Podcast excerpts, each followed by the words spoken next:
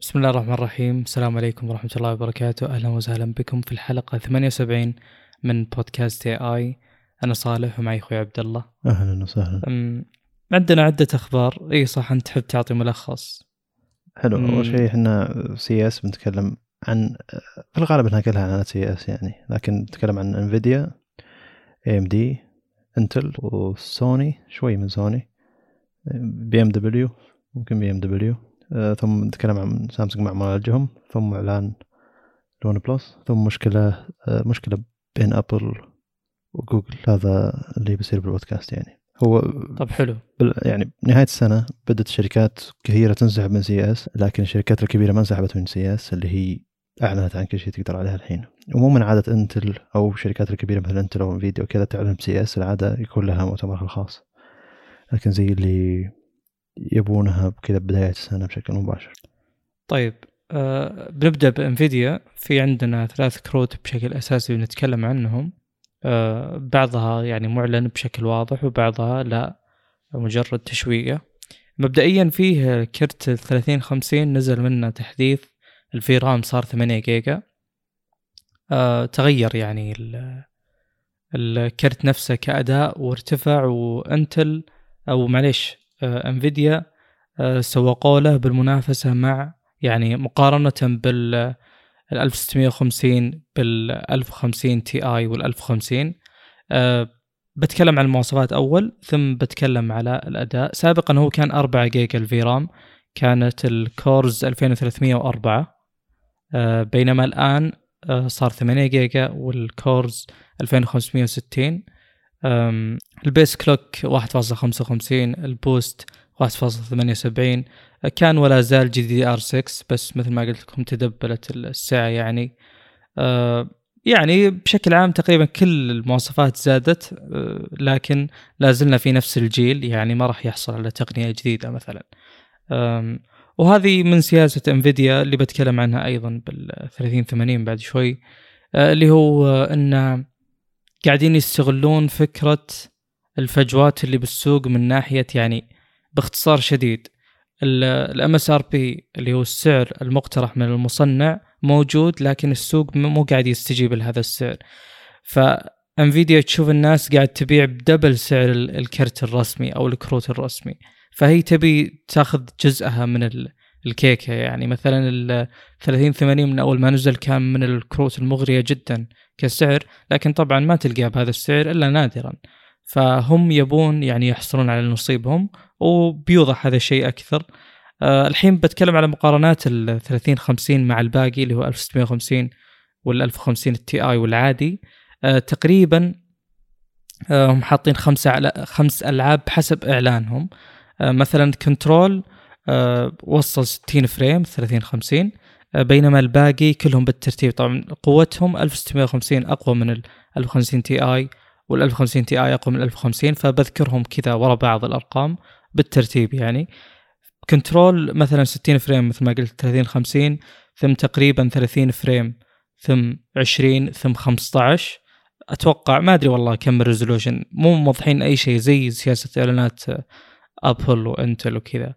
وبالنسبة ل F1 2021 تقريبا 75 frame ثم 40 فريم ثم تقريبا 25 ثم 20 Doom Eternal 120 frame ثم 50 ثم تقريبا 20 ثم 15 Call of Duty Black Ops Cold War تقريبا 95 frame ثم 45 ثم تقريبا 20 للاثنين. آه، المقصد من هذه المقارنات يعني توضيح انه تقريبا يوصل ضعف الأداء وأكثر ويعني قد يكون قادر يعني بحكم أن ال VRAM أعلى وال CUDA cores أعلى وقد يكونون استغلوا آه، نواحي معينة مثلا آه، اللي هو انه GDDR6 إلى آخره. آه، لكن إحنا تعودنا على هذا الشيء إنها إعلانات Nvidia في جيل 30 أول ما نزل أو الاصدارات له. كانوا يقولون يعني ال 30 70 ضعف ال 20 80 Ti وهذا ما هو صحيح طبعا. ف take it with grain of salt يعني حط له ملح شوي. آه، قد ما تكون الأرقام دقيقة لكن مثل ما قلنا هم هدفهم الآن يعني إنهم يعني يوفون احتياج السوق ويكونون جزء من آه، الأسعار الطائلة هذه.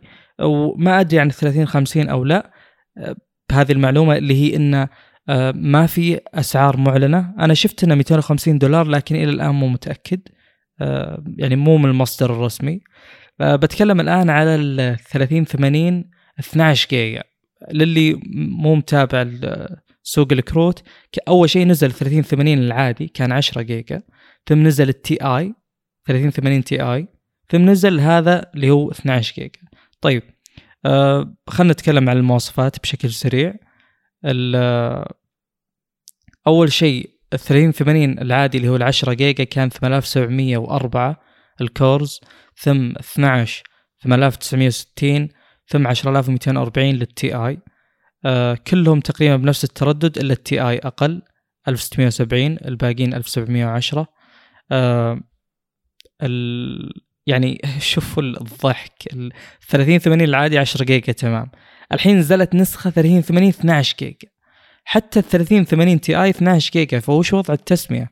يعني تسمية ال 30 80 12 جيجا ما هي مميزة له لأن الصفة اللي مسمى لأجلها موجودة بال Ti فهذا شيء غريب صراحة جدا. بالنسبة لل bandwidth أخذ نفس ال bandwidth حق ال Ti 384 مقابل 320 للعادي سابقا. ال TDP أخذ ال TDP حق ال 3080 Ti اللي هو 350 مقابل 320 اللي موجود بال بال اللي هو ال 10 جيجا الأساسي. بخصوص الأداء على أرض الواقع تقريبا كان الفرق يعني 9 إلى 10% زيادة بين 3080 العادي وال Ti أشوف ال benchmarks كلها كان ال 3080 12 جيجا بالضبط تماما بين الاثنين فبتحصل على من 4 إلى 5% تقريبا آه، فرق الأداء في جميع النواحي حتى ب يعني بال softwares حقت ال render أو كذا. فصراحة يعني أنا ما أحس إن انفيديا قاعد تخدم نفسها بال بالمبيعات بهذه الطريقة. يعني رسميا هذا المعالج ترى ما له سعر مقترح. يعني مثلا العادي كان آه، بكم 700 دولار ما خاب ظني. إي 700 دولار. الآن ال 12 جيجا هذا ما له ما له سعر ترى. يعني هو من ناحية إنه ما له سعر من الناحية الأخرى يعني في كلام قريته أن ال 3080 العادي ما راح يكمل تصنيعيا يعني. بيوقف تصنيعه فبديله 12 جيجا. هذا بدوره اللي ما عنده سعر.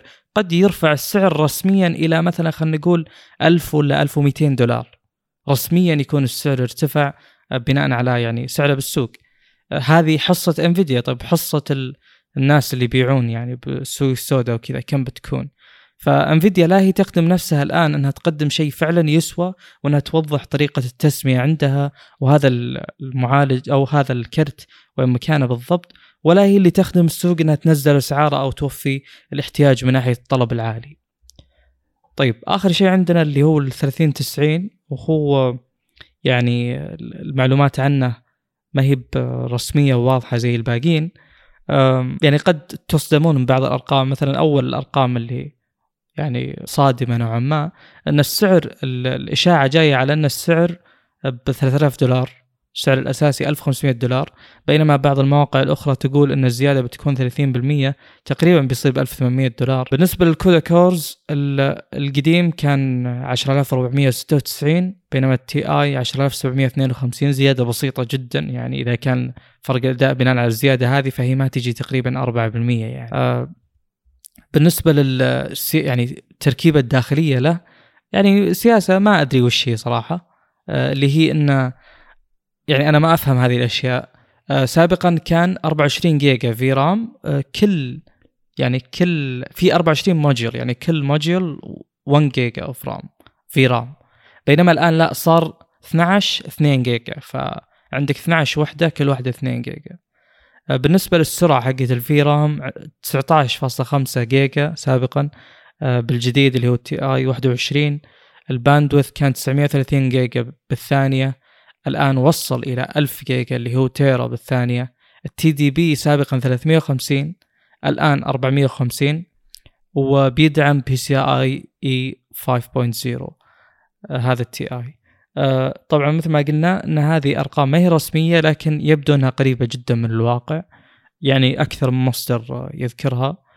آه، صراحة ما أدري انفيديا وش قاعدة تسوي. يعني ما عندنا زي سوق الهواتف أن بداية السنة مثلا ينزل لك معالج وتنزل لك يعني كل الشركات تنزل ثم يجيك شهر سبعة كذا تقريبا ثم آه، ذاك الوقت الشركات تنزل النسخ المحدثة ال Plus أو مثلا Ti في هذه الحالة عند انفيديا انفيديا مو ماشية كذا. انفيديا ممكن تنزل لك الكرت وال Ti حقه بنفس الوقت. بنفس الوقت حرفيا زي ما صار بجيل ال 20 يعني. نزل ال 20 80 وال Ti بنفس الوقت. آه الآن لا نزلوا بالبداية 70 80 90 بعدين آه نزل ال Ti حق الظاهر ال 60 ما أدري 70 بعدين ال Ti حق ال 80 والحين بينزل التي اي حق ال 90 فاختلطت الدنيا على بعض وهي مجرد مسميات يعني. بعض الكروت التي اي حقها يسوى بعضها لا والله زيادة بسيطة ما ما تسوى على أرض الواقع أو على على الورق خلينا نقول. تقريبا هذا كل اللي يخص الكروت وأخبار انفيديا يعني. أحس إن كل الاعلانات ذي شبه ورقية يعني. تحس إنه يعلنون لكن ما يتوفر شيء أو اللي يتوفر يكون بسعر فلكي لدرجه إنه شيء تحلم فيه أو تشوفها فقط في مراجعات يوتيوب. هذا وضع الكروت له فترة يعني. امم يعني صراحة ما أدري يعني ما هو واضح السوق يعني هم مو ماشيين على يعني سرد معين. ما أنت ما تقدر تتوقع وش الجاي. أنا ما أقدر أتوقع. يعني قبل ينزل هذا الشيء من انفيديا بشكل رسمي الناس كانت تتكلم عن 40 40 80 و 40 90 اللي هو الجيل الجاي. فجأة لا طلع في Ti ولا نزلت مواصفاتها إلى الآن فبياخذ وقت. هو صحيح عرضه لمدة يمكن 20 ثانية تشويق وكل الناس بدأوا يخمنون وش هو بالضبط يعني الظاهر بدأت تطلع عنه مواصفات معينة. ترى ما أدري إيش عندهم لكن ما سموه Ti مسمينه Ti ما أدري إذا كان في إيه. Ti عليه مسمى شيء معين.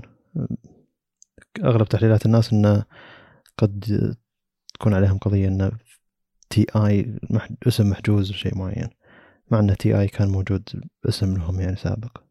لكن ممكن 30 90 Ti في شيء ثاني بالعالم معروف بالشيء هذا ما أه الأمر بإنتل يعني بعالم عالم كروت الشاشة إنه تفك أزمة توفر كروت الشاشة. الأمل في إنتل وإنتل زي اللي وعدت في المؤتمر هذا ان ترى كروت الشاشة حقتنا جاية. أه لا تحسبون انه مجرد إعلانات يعني. غير مشوق السوق صراحة بالطريقة هذه خصوصا يعني أنا قلت هذا الكلام ترى من زمان اللي هو فكرة إن انفيديا لازم تستغل يعني هي بطبعها بتستغل يعني ارتفاع الأسعار. لكن كيف تستغله؟ فيبدو لي إن الاستغلال الآن بيكون على هيئة إن ما في سعر معلن.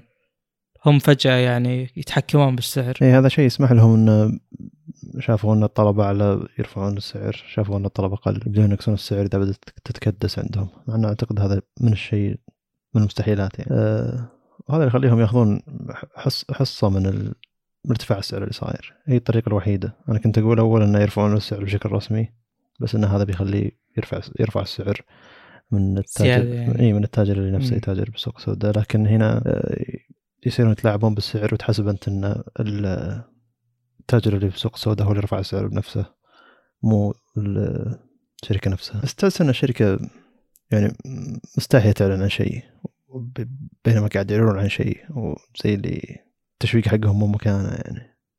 إيه إيه. يعني كيف تعلن عن كرت بكامل مواصفاته؟ مثلا 30 50 آه بينما هذا 30 90 تي آي مو واضح. ما أدري يعني المسار مو واضح. تشبه حركات شاومي بس على الأقل شاومي تعطي. لا لا تحس يعني... هنا مجرد استغلال أزمة يعني. إنه آه زي اللي وش اللي ما أدري هي في مشكلة عامة في السعر والتوفر والحوسة هذه.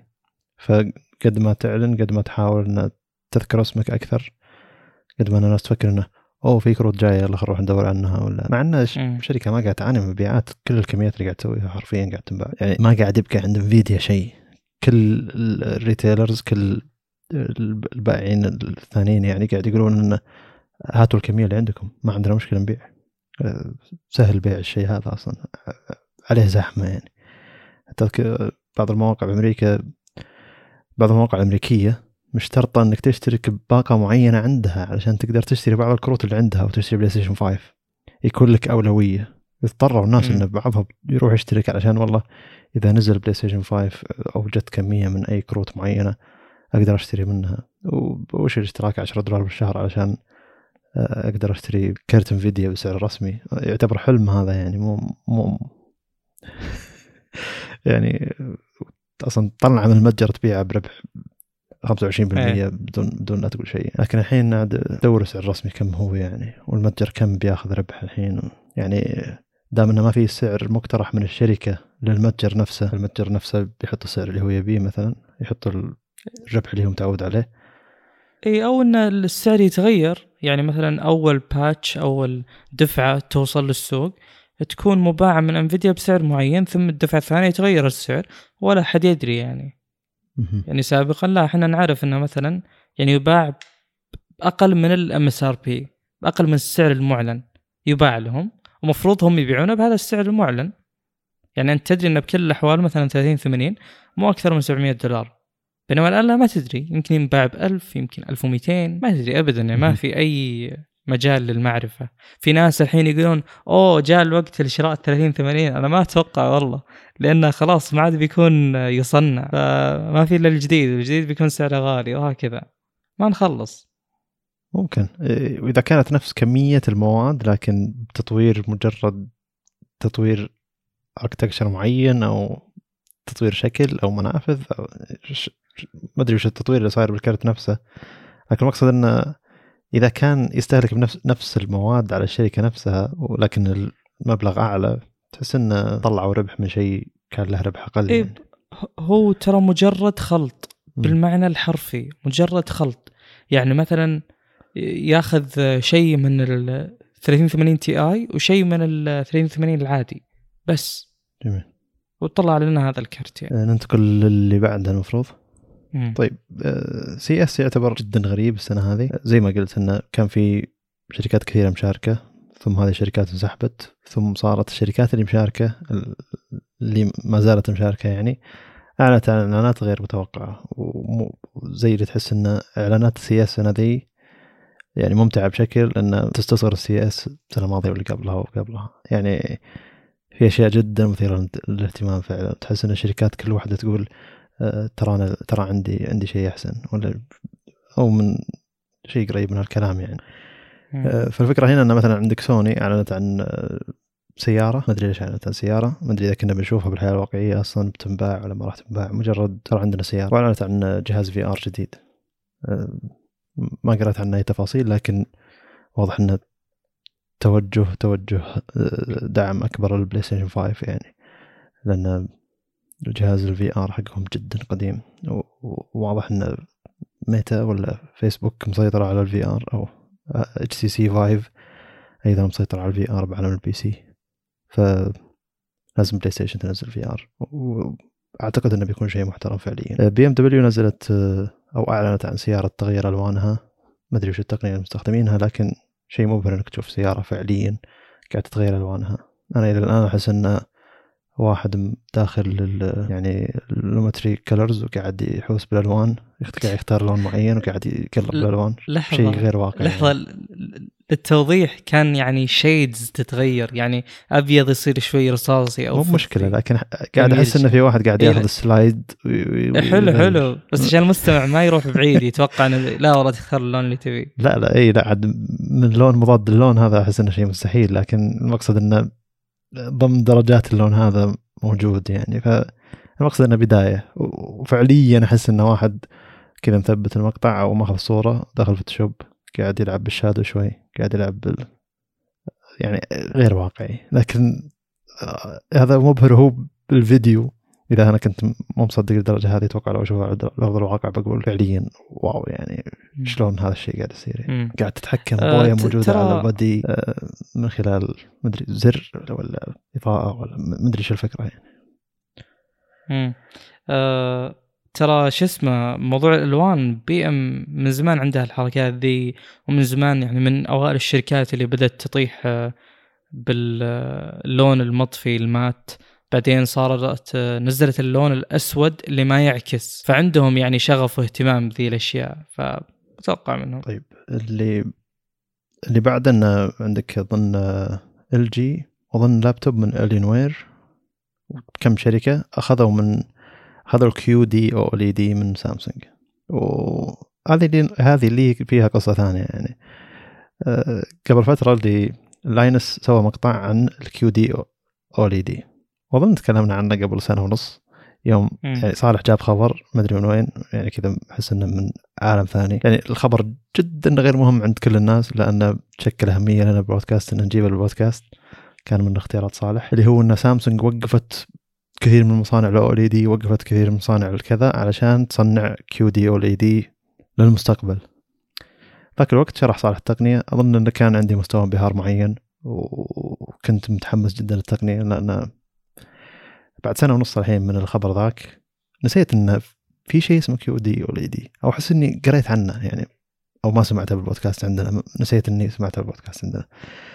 لكن Linus أرسل واحد من فريقه اللي هو جيمس وخلاه يروح لنفس المصنع ويستعرض نفس المواد اللي يستخدمونها نفس فكرة التصنيع. أنا زي اللي الانبهار هذاك اللي نسيت إني انبهرت منه تجدد من جديد. وجيت لصالح أقول له بالله شوف التقنية ذي شيء خرافي ممكن نشوفها السنة الجاية. صالح يقول لي ترى تكلمنا عنه بالبودكاست. أقول له لا أذكرني يمكن عرفت عنه أو قريت عنه لكن كان مجرد وشو science fiction أحس إنه شيء زي كذا يعني ان الأزمة ذي لها سنين طويلة جدا مستحيل تنحل. وحتى لما ذكرنا حل ذاك الوقت أحس إنه مستقبلي جدا.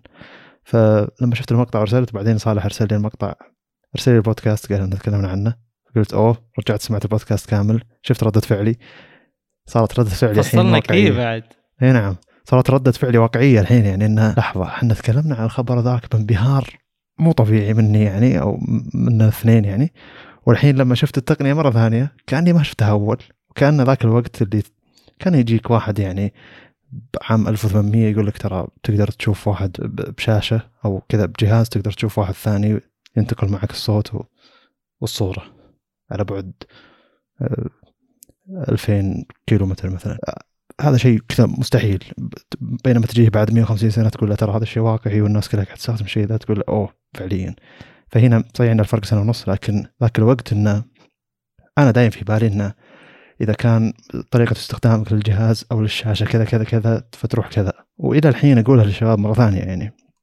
قبل شهرين أو شهر شوي جاني واحد شباب يسألني عن يبي يشتري TV يعني. فنفس الفكرة اللي عدت له النمط كامل. إذا كان استخدامك للشاشة بمكان مظلم أكثر من مكان آه، منور تقدر تروح تاخذ OLED إذا كان مكان منور أكثر شيء واستخدامك لها كذا كذا كذا تقدر تاخذ QLED فإلى الحين واقعيا المشكلة موجودة بالنسبة لي. لكن لما جاء Linus مرة ثانية وشرح الفكرة راح المصنع وراك كل المواد اللي يستخدمونها شرح لك ليش المو... الألوان بتكون شيء مبهر جدا. فانبهرت مرة ثانية لأني رجعت سمعت المقطع مرة ثانية وزاد معدل الانبهار. لأن الحين سامسونج تجي بالتقنية ذي اللي ما في مثلها بالسوق ما حد يصنع زيها. تعطيها باقي الشركات. يعني شكرا سامسونج. يعني يعني أعتقد إن كمية شركات كبيرة لو كان عندها نفس التقنية هذه بتخليها تقنية حصرية لها. لكن آه، سامسونج ما عندها فكرة إن أو أنا أحسن واحد وخلاص ما حد ياخذ زي عندها فكرة إن قد ما أصنع للناس قد ما أنا أربح قد ما أنا أكون أحسن واحد تبقى التقنية الخاصة لي أقوى شيء وأنا أقدر أنافس الناس بأشياء ثانية غير إن الاسم الحالة يبيع يعني. ف زي اللي أنا أنا كبير راح أبقى كبير حتى لو أعطيت الناس الشيء اللي مخليني كبير. فهنا الفكرة يعني. غير إنه مربح إنك تبيع كمية كبيرة من التقنية اللي عندك الشركات الثانية. هذا يرخص عليك الإنتاج تكلفه الانتاج عليك أنت نفسك يعني. بينما إذا كنت مسوي كل هالمصانع ثم تصنع لنفسك أنت بس زي اللي الكمية بتكون أقل بكثير. صحيح إنه بيكون عندك الحصريه وبتقدر تبيع كميات أكبر لكن ما راح تقدر تسوي كميات تخلي عليك في توفير عليك في التصنيع يعني. ف آه، شركة بعقلية كبيرة جدا إنها تعطي تقنية جديدة توها نازلة للسوق. تقريبا الخمس شركات الشركات ذي تعلن عن التقنية هذه كأنها هي مسويتها. ولا تعلن عنها حق QLED يعني. بس عنها أوه ترى إحنا عندنا شاشة QLED ولا. بينما سامسونج تقول لك إحنا معهم يعني عندنا شاشة كيو, كيو دي أو إل إي دي ف شيء مبهر. أنا يعني على كميات الشاشات اللي جت السنوات الماضية اللي ودك تروح تشوفها هذه أكثر شاشة ودي فعليا أروح أشوفها. يعني OLED بداياته كان فعلا في عنصر ابهار الألوان اللي صارت له يعني. لكن نوعا ما إنك تشوفها بمكان منور كبير ما راح يفرق كثير عن غيره يعني. لكن QD-OLED واضح إن الالوان فيه بتكون فعليا مبهره يعني. يعني من أول ما تكلمنا عن الموضوع ذا وأنا يعني يعني ترى من ذاك الوقت كانت مثلا سامسونج في ال QLED يعني عندها كم شركة تبيعها؟ مثلا تي سي ال يعني. أول ما تبحث أصلا بسوقنا تلقى إن تي سي ال عندها QLED بشكل كبير جدا. يعني سياسة سامسونج هذه موجودة من زمان. وأنا يعني دائما أي شخص يبي يشتري شاشة سواء TV ولا monitor أحاول اخليه يعني بالذات إذا كان بيروح لشركات زي اسوس وايسر وكذا أحاول أخليه يشوف الشاشة نفسها مين مصنع ال panel عشان تقدر تحكم إنها تسوى ولا ما تسوى وإنها ممكن تلقاها بسعر أرخص عند مصنعين آخرين. آه، كمثال يعني شو اسمه اللي تكلمت عنها وسويت عنها مقطع اللي هي من لينوفو آه، تصنع تحت أكثر من شركة أخرى مثل آه، أو تباع تحت أكثر من شركة أخرى مثل شاومي عندها نفس الشاشة بالضبط وظاهر هواوي عندها نفس الشاشة بالضبط اللي هي ال MateView GT اللي تحت فيها sound bar يعني تختلف الإكسسوارات لكن الشاشة بالأخير نفسها والأسعار تختلف بشكل كبير جدا. المقصد بالأخير إن ال panel نفسه بيصنع ثم يعني يتركب عليه frame سماعات نظام تشغيل إلى آخره ويباع. آه، الشاشات اللي بالسوق إما تكون غالبا يعني بنسبة كبيرة جدا إما تكون من سامسونج وبتكون VA أتكلم عن ال TVs تحديدا أو تكون IPS وبهذه الحالة من ال جي ال جي عندها NanoCell ف يعني مشتغل عليه بشكل كبير وعندها NanoCell طبعا IPS وعندها ال OLED للشاشات الأعلى. وفي شركة أيضا تبيع OLED اللي هي هاي سنس للي يعرف آه، أو متابع للسوق. الظاهر ما هي موجودة عندنا بس موجودة بشكل كبير برا. المقصد إنه بالأخير يعني تصنيع الشاشات بيرجع لاما سامسونج بتقنياتهم سامسونج ماسكة مثلا VA أو آه، ال جي اللي ماسكة ال IPS وال OLED فالحين عندنا بالسوق الجديد أو التقنية الجديدة سامسونج اتبعت نفس الشيء بالضبط وهذا يدعمها من نواحي كثيرة جدا. يعني الآن لو سامسونج ما أعطت أي أحد التقنية هذه آه، الشركات بتدور على شيء جديد تبيعه وقد تخرج من حلف سامسونج. مثل شركة تي سي إل الآن اللي تقريبا تبيع كبي بيست يعني آه، شاشات سامسونج. ممكن تقول لك لا والله أنت ما خليتني الآن رائد بالسوق فتروح الحلف إل جي كمثال. فسامسونج تبدو من الشركات اللي تحافظ على يعني انتشار تقنيتها بالسوق بحيث انها حتى لو هي ما باعت حتى لو الناس شافوا إنها premium وكذا وانها شيء غالي يعني طبعا قلت premium بالشكل السلبي أو المقصد السلبي اللي هو إنها غالية وإن أنا بس أبي أشتري TV أي TV فبيروحون للشركات هذه الأقل يعني. آه، فسياسة سامسونج واضحة وأتوقع إنها تستمر عليها ومستمر عليها بأسواق كثيرة جدا اللي هو إنه لا أنت يعني بيع للناس آه، منتج شبه خام يعني قبل مراحل الأخيرة بحيث إنك تسيطر على السوق بشكل أكبر ويصير حتى لو منافسك باع يعني تي سي ال بتنافس سامسونج بال QLED مثلا لأنها تبيع نفس الشيء واللي يبي QLED بيلقاه عند الاثنين مو زي مثلا شاشات ال VA العادية قد ما تكون شيقة أو شاشات ال IPS العادية قد ما تكون يعني ملفته للانتباه أو محفزه للشراء.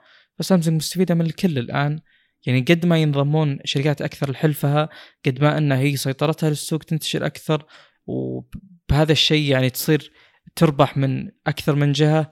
ويعني فوق هذا كله هذا بيدعم على انتشار الكيو دي أو ال دي من ناحية إنه آه، يعني خدمات ما بعد البيع أو شكاوي ما بعد البيع بتكون أكثر. فعندك أكثر من طرف يعطي تقارير لسامسونج وش صار بالشاشة هذه وش المشاكل التصنيعية وش المشاكل اللي واجهت المستخدمين إلى آخره. يعني فهي مستفيدة من جميع النواحي.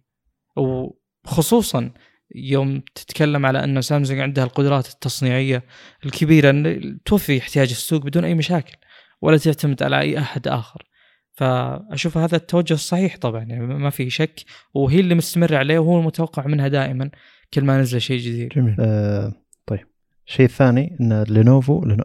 لا مو لينوفو أسوس. أسوس أعلنت عن foldable screen laptop أو مسمينه Zenfo... Zenbook 17 Fold OLED. الفكرة هنا مقاربه لفكرة لينوفو السابقة لكن الجهاز نوعا ما حجمه أكبر. والشاشة OLED. الجهاز يجي يسمونها حجمين للشاشة لكن هو هي شاشة واحدة فإذا حطيت ال keyboard اللي تحت شبكته على الجهاز وخليت الجهاز فعليا على وضع اللابتوب بيكون 12.5 إنش 1280 في 1920 3 2 واذا إذا فكيت ال keyboard وال keyboard مسموح إنه يكون بلوتوث إذا تقدر تستخدم الشاشه كاملة مباشرة بيكون 17.3 إنش 4 3 اللي هو 1920 في 2560 والجهاز له اوضاع كثيرة آه، آه، وتقدر تفصل بالشاشات يعني تقدر تحط الشاشه كاملة 17 إنش لكن تخلي آه، زي اللي نصفين للشاشة بدل ما أنها شاشة واحدة. بيعاملها الجهاز على أنها شاشتين وليس شاشة واحدة. هذا بيكون زي اللي يسمونه multiple screens مع إنه ما أدري شو الفائدة يعني ويندوز نفسه يقدر يقسم النوافذ بشكل مباشر. آه، بيجي عليه الجيل 12 من معالجات انتل الجديده آه، فئة ال U. شاحن بيجي 17 واط. منافذ Thunderbolt 4 شحن سريع على ال USB-C صوت من Harman Kardon Dolby Vision يدعم واي فاي 6 اي كاميرا 5 ميجا بكسل المايك حقه يعتبر ممتاز جدا آه، مهتمين بالشغلات حقت التواصل الإلكتروني يعني أو الاجتماعات والاجتماعات آه، الجهاز هذا بيعرض للبيع فعليا يعني. جهاز لينوفو السابق كان مجرد استعراض لكن هذا الجهاز آه، بيتوفر فعليا. فذاكرين المعالج ذاكرين حجم الشاشة وتفاصيلها كامله لينوفو السنة الماضية أعلنت عن نفس فكرة الجهاز لكن كان مجرد concept يعني أعطوه كم مراجع في اليوتيوب وقالوا انه ترى عندنا التقنية هذه. لكن لو بشتري الجهاز ما أقدر أشتري الجهاز. لكن زي اللي آه اسوس ناوية تبيع الجهاز فعليا. آه استغلال الشاشه لحجم الجهاز يعتبر مبهر بالنسبة للجهاز فورد يعني. آه تقريبا مدري سلم بزلز بس ما ما أذكر الرقم بالضبط لكن آه شكل الجهاز انها الأطراف تعتبر نحيفة وهذا شيء جميل جدا. آه، استعراضهم كم يعني الأوضاع اللي تقدر تستخدم فيها الجهاز كثيرة جدا وتعتبر أيضا ممتازة. ويندوز ويندوز بيستفيد من أي حجم شاشة تعطيه إياه يعني وهذا شيء يعتبر مبهر. ال window management شيء يفتقد في أي جهاز ثاني غير ويندوز للحين معنا مستمره يعني. إيه أنا خلاص أنا desktops الحين فاتح واحد اثنين ثلاثة أربعة خمس ست desktops اثنين منهم فيها تطبيقين لاصقة ببعض ف عشان تعرف المعاناة يعني. مع إن اللابتوب تعتبر أبسط يعني لكن على إذا لو تكبر الشاشة شوي يكون معاناة أكبر. لكن window management تستفيد من أي شيء ثاني من أي حجم شاشة. فهنا يعني تحس انه قاعد يستعرضون الجهاز كشاشة كاملة. ثم الجهاز إذا انصفط لكن ال keyboard برا تقدر تستخدم النص اللي تحت كشاشة فيها بيانات معينة والنص اللي فوق كشاشة فيها بيانات معينة. زي النص اللي تحت تعتبر زي اللي touch sense touch controls يعني أشياء تقدر تتحكم فيها باللمس والشاشة اللي فوق تستعرض شيء ثاني. ف في في عنصر ابهار يعني. مع إن الشيء هذا مكرر لينوفو لينوفو كانت سابقتهم لكن هم استعرضوه بشكل أفضل صراحة. طيب الابتكار اللي بعده اللي هو AirSelfie camera يقول لك الدرون تعطيه أمر يطير من نفسه يدور وجه الناس يجمعها كلها مع بعض يصورها صورة وتصير صورة على جوالك. بس فكرة غريبة وأظنها متأخرة. يعني السيلفي جاء وقته وراح يعني. أظن الحين ما عاد في ناس اللي أوه خلينا سيلفي مع بعض ولا من الأشياء ذي الفكرة لطيفة يعني من أقوى الابتكارات العجيب اللي الناس جدا فرحانة فيها وأول مرة أدخل في المجال هذا يعني اللي هو حرافة فيها قيادة ذاتية. وهذا شيء يعتبر منطقي جدا صراحة. يعني آه، الحراثات شغلها تلقائي. يعني وحتى إذا كان إنسان يسوقها تعتبر شغل ممل يعني. إنك تضطر إنك توصل لاخر الأرض ثم لازم تدور ترفع ترفع اداه الحرث اللي وراء ثم تدور مدور كامل يعني تاخذ كم لفة عشان تدور ثم لازم تخلي على نفس اللاين يعني على نفس الخط بالضبط جزء الحراث على اليسار عشان تمشي على الجزء اللي ما حرثته ثم تمشي إلى نهاية المزرعة وترجع بنفس الطريقة اللي هو المدور بالحراثة يعتبر متعب. و... وما له حل يعني. ف يعني ما راح تحرث بشكل دائري ويصير في فراغ معين بالمزرعة غير مستفاد منه يعني. فعشان كذا إنه معروف طريقة الحراثين بالطريقة هذه. ف وغير ان الحراثات ترى من سنوات يعني وفيها تطور كبير جدا جدا. أظن حتى شركات كبيرة إيطالية عندها حراثات معينة. لها تقنيات كبيرة يعني. منها في في حراثه لامبرجيني يعني عشان تعرف تصور وش فهنا حراثه اللي هي انت تعطيها المساحة وخلاص هي تشوف كل شيء وتبدأ تحرث وتداور وبعدين تعطيها نفس الخط وتداور وكذا. فزي اللي أغلب الناس زي اللي بيتخلص من موظف علشان الشغلة هذه ويروح يحط الحراثه بداية المزرعة ويجيها آخر النهار. لا هي واصله لاخر المزرعه حارث الدنيا كلها ف زي اللي في إنسان ارتاح ولا في إنسان ارتاح ولا في واحد طلع من وظيفته ما أدري عاد. لا في واحد يمكن عنده مزرعة أو عنده بستان يعني وخلاص صار الشغل مؤتمت يعني. كل ما شوف هو المنطقة أكثر أنه ما في بشر يعني أنت مو مثل القيادة الذكية بالشوارع أنه في أوادم يعبرون في ناس قاعد يمشون جنبك في الشارع بسيارات ثانية فأي خطورة ثانية. يعني هنا لو الحرافة قررت أنها آه، تمشي بشكل أسرع ولا آه، تحرث على منطقة ثانية حرث مرة ثانية ولا تهمل منطقة معينة بوسط المزرعة اللي هي ما مات أحد. يعني سالفة بسيطة يعني. لكن القيادة الذكية في الشوارع تعتبر فعلا خطيرة يعني هي لها الكلام لكن. هذا منطقي جدا يعني استغربت إنه ما جاء فترة طويلة. سابقة يعني هو الكلام على أنه ممكن أحد يخسر وظيفته إلى آخره. يا جماعة هذه المهام قديمة روتينية جدا. م. لا يعني أقصد إنه لا هو ترى اللي اللي بيشتغل مكان الحراث ذا بيضيع وقته. لو يفكر بطريقة مبتكرة أكثر بيصير مثلا ممكن يكون يمسك صيانة إيه. الحراثة بيكسب بعدين مهام المزارع كبيرة جدا آه، جزء منها الحرث يعني. إيه؟ أعتقد إنه في أشياء كثير بالمزرعة تحتاج عناية يعني. أه تفك ازمه تفك ازمه يعني شو اسمه ذا برنامج The Grand Tour اللي هو كانوا حقين Top Gear حقين السيارات واحد منهم أه اسمه جيرمي كلاركسون أه أجر مزرعة أو شرى مزرعة وسوى برنامج مع امازون برايم للمزرعة هذه. وعانى من السالفة هذه هو بنفسه كان يسوق ويحرث مسافات طويلة. فجته فكرة إنه بس يداور وابتلش. يعني جزء من المساحة ضاع فجزء من الزراعة ضاع. ففي أطنان من الفو... من الخضار المعين ضاع فكله علشان قرر إنه والله ما أبي اداور أبي أدور كذا بشكل مباشر وأرجع وأدور بشكل مباشر وأرجع يعني أساس إني أوفر على نفسي وقت. فكان المزارع اللي معه مع إنه شباب صغير يعني مزارع صغير اللي قال له إنه مو منطقي شغلك الشغل منطقي إنك لازم تحرث المنطقة كاملة ما تخلي بينها مسافات يعني إلا المسافة اللي تبي تجيب فيها اللي تنثر الماء يعني الأجهزة اللي تنثر الماء. لكن جميله الفكرة يعني. وأعتقد انه بتفك أزمة على ناس زي كذا يعني إنه هو قاعد يحرث بنفسه مزرعته جميل. ما أدري. ودي أجيب ابتكارات زيادة لكن أحس إنه نوعا ما شيء ممل وبجيب أشياء تقنية ما لها علاقه ما لها مرة علاقة فيها. أه فودي أوقف هنا يعني. كسي اس أشياء شاطحة شوية عن التقنية اللي عادة إحنا نتكلم عنها. طيب أنت أخذت فكرة آه، معمارية أرم. يقول لك هذا هو أقوى تحديث للاركتكتشر حق معالجات انتل على الموبايل. اخذوا نفس أنا ما ودي أشرح بتفاصيل كل معالج كم أداء أو كذا لكن هم أخذوا فكرة إنه يكون في أربع أربع انويه للأداء العالي أربع انويه للأداء المنخفض. فالمهمات الاداء البسيطة آه، تروح للأنوية البسيطة والمهمات العالية تشغل الأنوية العالية. وهذه قلناها بالمعالجات العادية أساسا يعني حقت الغير موبايل يعني. وذاك الوقت قلت أنا مترقب أشوف وش هم بيسوون مع الموبايل فعليا.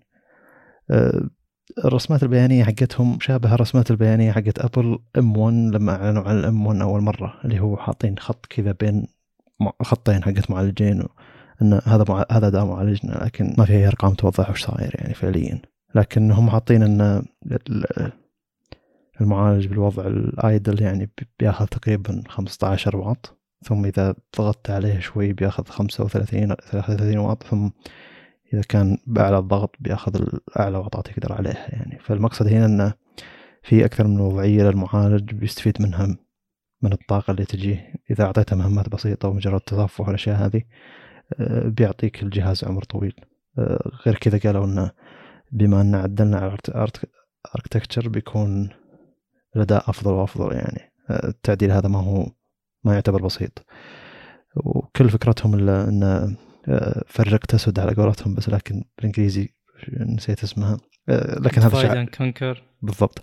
اللي هو هذا ال ال- وش- العبارة التسويقية حقتهم. إن الفكرة هنا إن إحنا قسمنا ال cores إلى cores اداء عالي cores اداء منخفض ثم نفرق المهام إلى أشياء معينة عشان نقدر ناخذ مهام أكبر وأكبر يكون اداء المعالج أسرع. واسرع آه، فكانت هذه فكرتهم الكبيرة يعني إن آه، رغم أن إحنا معماريتنا القديمة هذه ال x86 أنتم كل الناس تشوفها ان هذه المعمارية القديمة إحنا كل الناس بننتقل لمعمارية ARM الجديدة وكذا كذا كذا لأن زي اللي أنت تقول لحظة هذه المعمارية تتحمل إنك تسوي فيها الأشياء ذي وتسوي فيها الأشياء ذي وما تحتاج تروح تطور تطبيقاتك علشان تشتغل على معمارية ARM الأشياء هذه. زي اللي كانها تقول مايكروسوفت آه، ما يحتاج تسوون ويندوز يدعم معماريه ARM ترى. المعالجات حقتنا بتعطيكم الاداء اللي انت تبونه إذا كان فعليا المعالجات هذه بتعطي بطارية خرافية وبتعطي أداء خرافي زي ما هم يقولون فبيكون شيء مبهر جدا. لحظة أنا أذكر إني أرسلت صورة لل group. بعيد ارسالها لك عشان تشوف انه ما أدري شلون هم راسمين الفكرة. شوف أنا تكلمت يعني كثير عن الموضوع هذا إن إنتل في ال desktops غالبا ما راح تواجه مشاكل كبيرة يعني وفعلا هذا اللي قاعد يصير. يعني thermals بال PC أعلى والناس تحتاج تحط مبردات أفضل وبتحصل على أداء غالبا أفضل يعني في خلينا نقول المعالجات الأخيرة. لكن التحدي غالبا بيكون باللابتوبات خلينا نقول الأجهزة المحمولة. وكل ما صغرت وكل ما قلت كل ما احتاجت إنها تكون اقتصادية أكثر وتوفر مساحة وتبريد هنا بيكون التحدي أكبر على انتل فانا ما عمري قلت يعني إنه ممكن تواجه مشاكل جدا كبيرة في السوق بشكل عام. طيب أه، الرسم البياني الحين طلع لي بشكل واضح.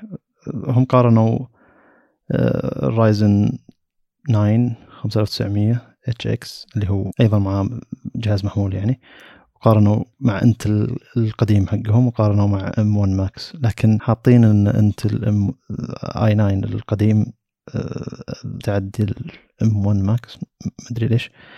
أه، لكن على تقريبا 75 واط. لكن ال curve حقهم الجديد انه على ال 35 واط اللي هو أعلى أداء لل M1 Max الاي 9 12900 اتش كي معطي أداء أعلى تقريبا ب 10 إلى 15% ثم إذا بدأ يرتفع يبدأ يرتفع عن الباقيين كلهم يعني بدأ بدأ 30 ل 40% يعني ف إلى 75 85 واط خلاص يعني تقريبا يوصل إلى 40% من أفضل من أداء النسخة الماضية. آه، فزي الأركتكتشر هذه ما فادت فقط في إن الكورز ال- الضعيفة ماخذ المهام الضعيفة إنها بس توفر طاقة لا واضح إن أخذ المهام الضعيفة يوفر انه واضح إن الأنوية العالية جدا عالية.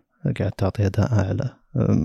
ما أدري شلون قاعد يسوون الشيء هذا. و ثم حطوا إن الأداء في ال- ال gaming تطور إلى زيادة 28% عن الماضي عن المعالج الماضي. ما أدري إذا كان المعالج نفسه يسمح إلى 28% زيادة يعني إذا كان في كرت Nvidia يحتاج آه، عشان ما يصير فيه bottleneck يعني ولا bottleneck يعني أقصد. آه، اللي هو يسمح ب 28% زيادة ولا الكروت حقتهم قاعد تسمح ب 8% زيادة. لكن الواقع إنه بما نتكلم عن المعالجات فالواضح إن المعالج نفسه قاعد يسمح ب 28% أسرع أداء في الألعاب. آه، ثم جابوا اللي هو يسمونه Adobe Creative Cloud و Blender تجارب الأداء يعني على تطبيقات. ففي Premiere تحسن الأداء 44% تقريبا وتفوق على ال M1 Max Ryzen في مع ال Premiere شوي أو مع Adobe عموما. الاداء أضعف آه، مع Intel الاداء أفضل. مع أن Adobe ما لهم علاقة كبيرة ب Intel Adobe لهم علاقة كبيرة ب Nvidia. فجيد إنه مهتمين بال ما زالوا مهتمين بنفس الفئة حقت الفئة اللي هي نفسها مهتم فيها Apple. يعني أكثر أكثر شيء Apple تتكلم عنه اللي هو صانعين المحتوى. فنفس الفكرة هنا واضح إن هذا المستهدف. وبال Lightroom تفوق أفضل اداء ب 10% من المعالج السابق حق Intel Intel ما زالت تقارن نفسها بنفسها يعني صحيح إنها تحط بقية المعالجات لكن الرقم اللي تكتبه إنه زيادة 44% زيادة 10% عن نفسها. لكن ما زلت ما أحب الأرقام هذا. هذا أسلوب ما هو أسلوب Intel هذا أسلوب Apple وما أدري إيش تأثير Apple هذا على باقي الشركات يعني. و Blender صار مع ال render يعني في Blender ياخذ 30% أقل وقت من المعالج السابق زي اللي ال- لو صدقت الأرقام هذه بيكون شيء مبهر جدا. أحس إن السنوات الماضية زي اللي أو قبل السنتين الماضية زي اللي شركة جدا كبيرة مسيطرة على السوق زي اللي مهدية ولا شايف الدنيا شيء يعني وحاطة خطة خمس سنين عشر سنين قدام تلقاها يعني زي شركة إنتل. ففجأة يجي واحد شركة نوعا ما صغيرة مع انها ما هي شركة صغيرة اللي قاعد تنافس. وزي اللي خلال جولتين أو سنتين يعني يتغلب عليك بشكل مفاجئ. فزي اللي أنت تدبر أي خطط وتحاول إنك زي اللي زي.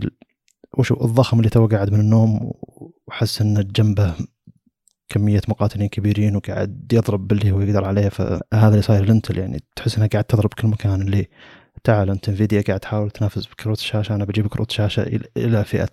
مو بس فئة الموبايل إلى فئة ال...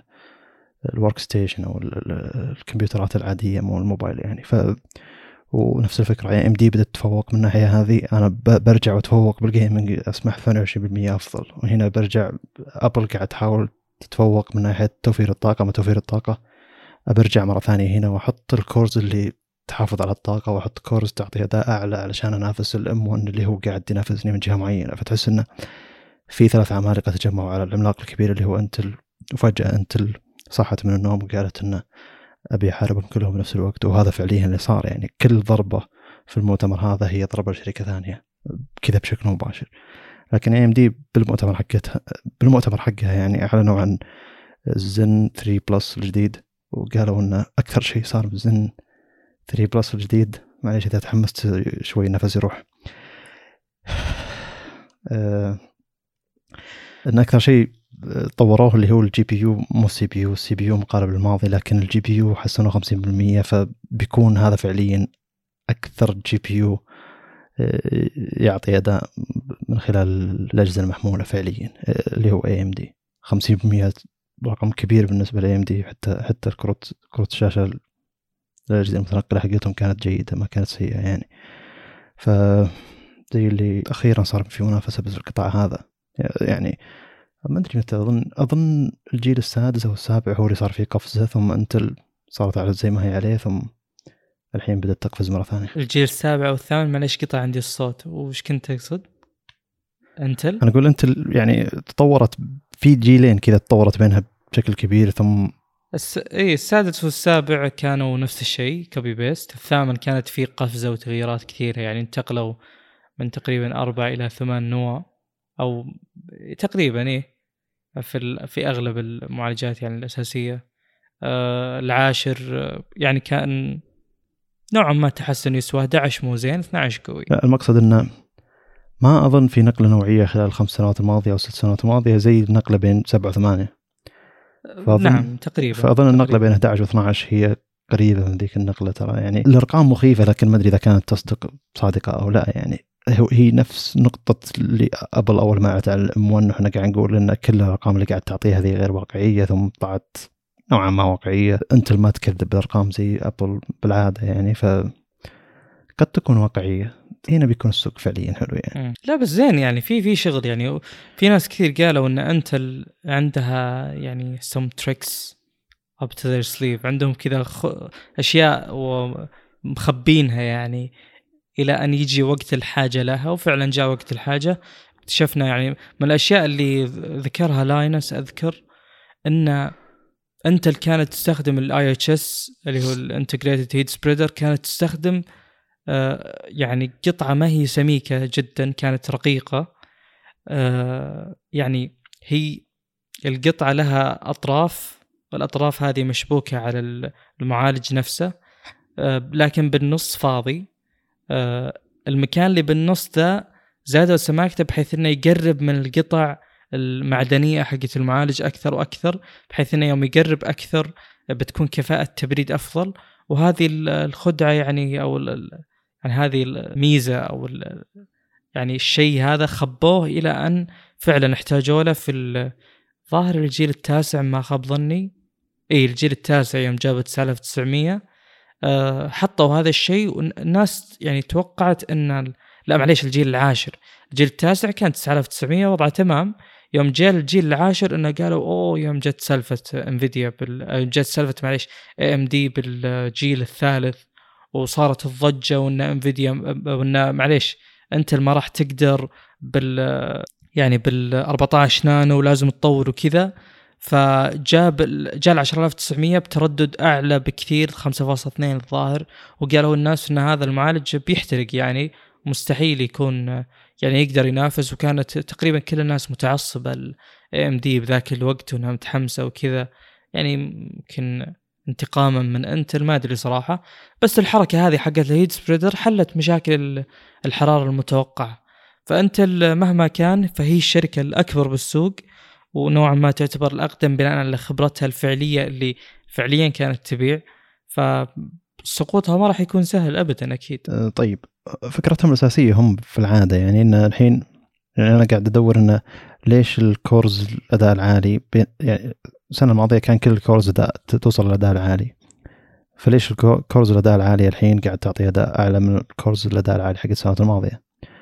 فالفكرة هنا إن كل إيه الفكرة هنا إن كل جميع يعني هذا من خلال ال PDF اللي ناشرينه هم يعني إن الأشياء اللي تشتغل بالخلفية عند Windows بياخذ هال E cores كاملة. ال E cores بتاخذ جميع الأشياء اللي بالخلفية بحيث إن ال cores ال P cores ال performance cores يعني بتاخذ بتتفرغ فقط للشيء اللي أنت قاعد عليه. فالشيء اللي أنت فاتحه واللي أنت قاعد عليه بتكون سرعته عالية جدا لانها مفرغين له ال cores حقت الأداء العالي بينما كل الاشياء اللي تشتغل بالخلفيه تشتغل على ال E cores فبتلاحظ فرق بالأداء بالشيء اللي أنت تفتحه فعليا بينما المهام اللي في الخلف بتاخذها ال E cores فهذا يسبب إنه حتى إذا أنت بالأشياء اللي أنت قاعد تفتحها وتستخدمها تلاحظ أنت سرعة مباشرة زي بالضبط زي ال M1 يعني زي ال ARM architecture أقصد فعليا بالضبط يعني. ولما تطلب أعلى أداء من الشيء اللي أنت فاتحه ما تزال ال cores الأداء عاليه متفرغة فتعطيك أعلى أداء تقدر عليه. بينما سابقا انه كان كل ال cores قاعد تشتغل على كل المهمات كل شيء ضايع بعض ال cores تاخذ مهمات من الخلفية. يعني زي اللي كان شغلها غير مرتب مع إن هذا شيء غير منطقي. كان مرتب بطريقة غير مرتبة يمكن أو غير الطريقة المرتبة اللي الحين قاعد يقولون عنها. أه، هم قاعد يقولون انه أه، حتى إن النظام بيدعم الشيء هذا بشكل ممتاز. هم يقصدون هنا Windows يعني. بس بذكر نقطة بسيطة. قبل الانتقال إلى ال P وال E cores اللي حصل بالجيل الحالي ترى سابقا كنت تقدر تروح لل BIOS آه تروح ال BIOS في مكان معين. يعني تلقى فيه نواتين مرشحة إنها تكون هي ال performance cores هي اللي توصل تردد باقي النواه ما تقدر توصل له. فيعني كان في أكثر من profile وأكثر من طريقة يعني بهذا ال... بهذا الأسلوب إن ال peak بيكون للنواه محددة والآن هذا الشيء صار أقوى وأقوى بحيث انها صارت في نواه مخصصة ونواه مخصصة لغرض آخر اللي هو ال E cores مثلا. فيعني قد ما نمشي أتوقع بالوقت إن هذه السياسة متبعة مثلا من زمان بالموبايل آه، أو ب ARM processors الآن بدات تصير موجودة بال desktops ويبدو إنها هي السياسة الأفضل لأن إذا صرت تعرف أن مثلا لو عندك ثمان نواة أربع منهم بيكونون هم ال performance cores تقدر تخلي التبريد من الناحية ذيك أفضل أو تقدر توزع.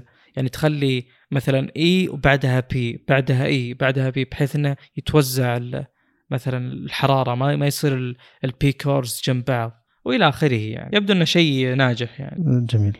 هي هي الأرقام مكتوبة لكن ما ودي أذكرها. يعني ال cores تبدأ من أقل شيء 8 إلى 14 ال threads تبدا من أقل شيء 12 إلى إلى 20 ال P cores تبدأ من 4 ثم تروح إلى 6 ال E cores تبدأ من 4 إلى تروح 8 ف يعني خلينا ناخذ ال P وال E أقل معالج ال E 4 ثم ال P 4 ثم يزودون ال E ما يزودون ال P اللي هو ال E 8 ثم الأربعة P ثم نفس الفكرة ال E 8 4 P ثم تنعكس الفكرة مع بداية ال i7 i i7 اللي هو يصير الاربعه E cores ثم 6 P cores ثم ال i7 اللي أعلى منه خلاص 8 E cores 6 P cores ثم خلاص يكمل 8 E cores 6 P cores إلى آخر شيء. فبالعادة ال E cores أكثر إلا بنسخة واحدة اللي هو بداية ال i7 بعدين حاطين الترددات حقتها على شيء يقدر يوصله ال P cores 5.0 وعلى شيء يقدر يوصله ال E cores 3.3 هذا اللي يوضح. بينما إذا كان الأداء العادي أو متوسط الأداء يعني الوضع المثالي على قولتهم ال base frequency اللي هو المعالج الأساسي أو ال E cores من 1.5 إلى 2 بالكثير وال P cores من 2.0 إلى 2.7 بالكثير. آه، توزيعهم يعتبر غريب. آه، أعلى أداء أو أعلى شيء يطلبه ال power آه، يبدأ من 95 من ال i5 وينتهي عند ال i9 أعلى واحد 115 أو كلها 115 أول ثلاثة i5 95 ثم أعلى خمس معالجات 115 وراح يكون من النادر إنه يوصل 115 لازم يكون الضغط عليه جدا عالي لأن ال E cores هي اللي تأخذ أغلب المهمات وهي عددها تعتبر أكثر. ف وال E cores ما تأخذ طاقة عالية. يقولون الوضع ال idle أو الوضع الأساسي للجهاز 35 إلى 45 واط يعني فيعتبر جدا جدا ممتاز آه، عشان تكون بالصورة انه ترى أعلى شيء يوصله الظاهر ال M1 Max الظاهر إنه 45 أو 40 واط فما يزال ال M1 Max سحب البطارية أقل لكن قد يكون انت فعليا اداها أعلى ب 10 إلى 15% امم أنا مثل ما قلت يعني ال M1 كان هو الصدمة هو المفاجئ واللي أعطانا قد إيش ال potential ممكن يوصل في ARM processors إذا أتقنت مثل ما سوت Apple بعكس ما سوت مثلا مايكروسوفت بال SQ1 وال SQ2 آه لكن ترى ال M1 Max يعني لا زلت أقول وبقول وبرجع أقول انه ما يعتبر المثال الأفضل ابدا. يعني قد يعني كان متوقع إنهم يجيبون شيء أفضل بكثير. أذكر Dave Lee Dave2D اللي بيوتيوب جرب هو يحب لابتوبات ويندوز بشكل قوي جدا. إيه. فجرب واحد من اللابتوبات نسيت. هذا حب ويندوز يعني. يعني؟ يعني منطقي أقصد. المهم فهو ما عنده حل إنه يستخدم أو ما راح يستخدم يعني معالج Apple آه، بناء على الاحتياجات اللي يحتاجها. فجاب واحد من اللابتوبات نسيت وش بالضبط والله. وكان أحسن من ال M1 Max ال fully loaded بكل شيء تقريبا.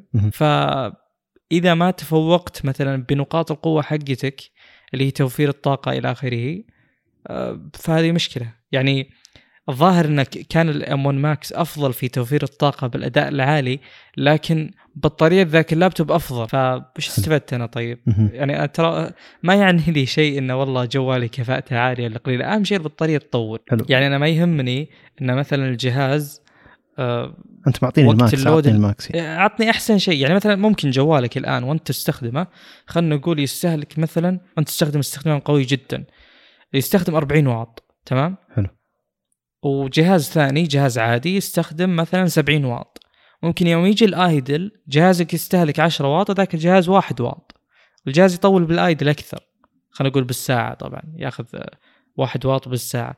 فإذا كان ال M1 Max في ادائها العالي أو في ادائها المنخفض جدا غير متفوق على المنافس هذه مشكلة صراحة. المفروض ان تفوق في جميع النواحي. لو تف... يعني المقابل تفوق عليك بالأداء بقول لك منطقي إنه معالج complex CISC وبحجم أكبر وباحتياج لتبريد أكثر يتفوق عليك بالأداء هذا شيء نوعا ما مقبول.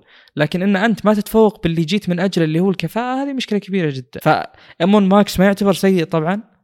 ولا حتى ال Pro كلهم جيدين لكن اللي اعطانا إياها الانطباع اللي اعطانا إياها ال M1 كان وين؟ كان يعني توقعنا أداء أكبر بشكل كبير وطبعا لا زال باقي ال Mac Pro ال tower نفسه خلينا نشوف وش ممكن يسوي في حل مفتوح من التبريد واستهلاك الطاقة وإلى آخره. إذا كان ذاك الجهاز حريصين فيه على توفير الطاقة هذه مشكلة كبيرة أيضا. جميل. باقي عندنا إيش؟ ال OnePlus لا طيب أنت أنت نفس الفكرة عندهم. ال Arc أعلنوا عنه آخر شيء. ما أعلنوا أي إعلانات بس قالوا أن أعلنوا عن الشركاء اللي معهم. قالوا أن الكروت حقتنا بتجي على أكثر من 50 شكل. ما أدري إذا كانت كل لابتوب يعتبر شكل كل PC يعتبر شكل.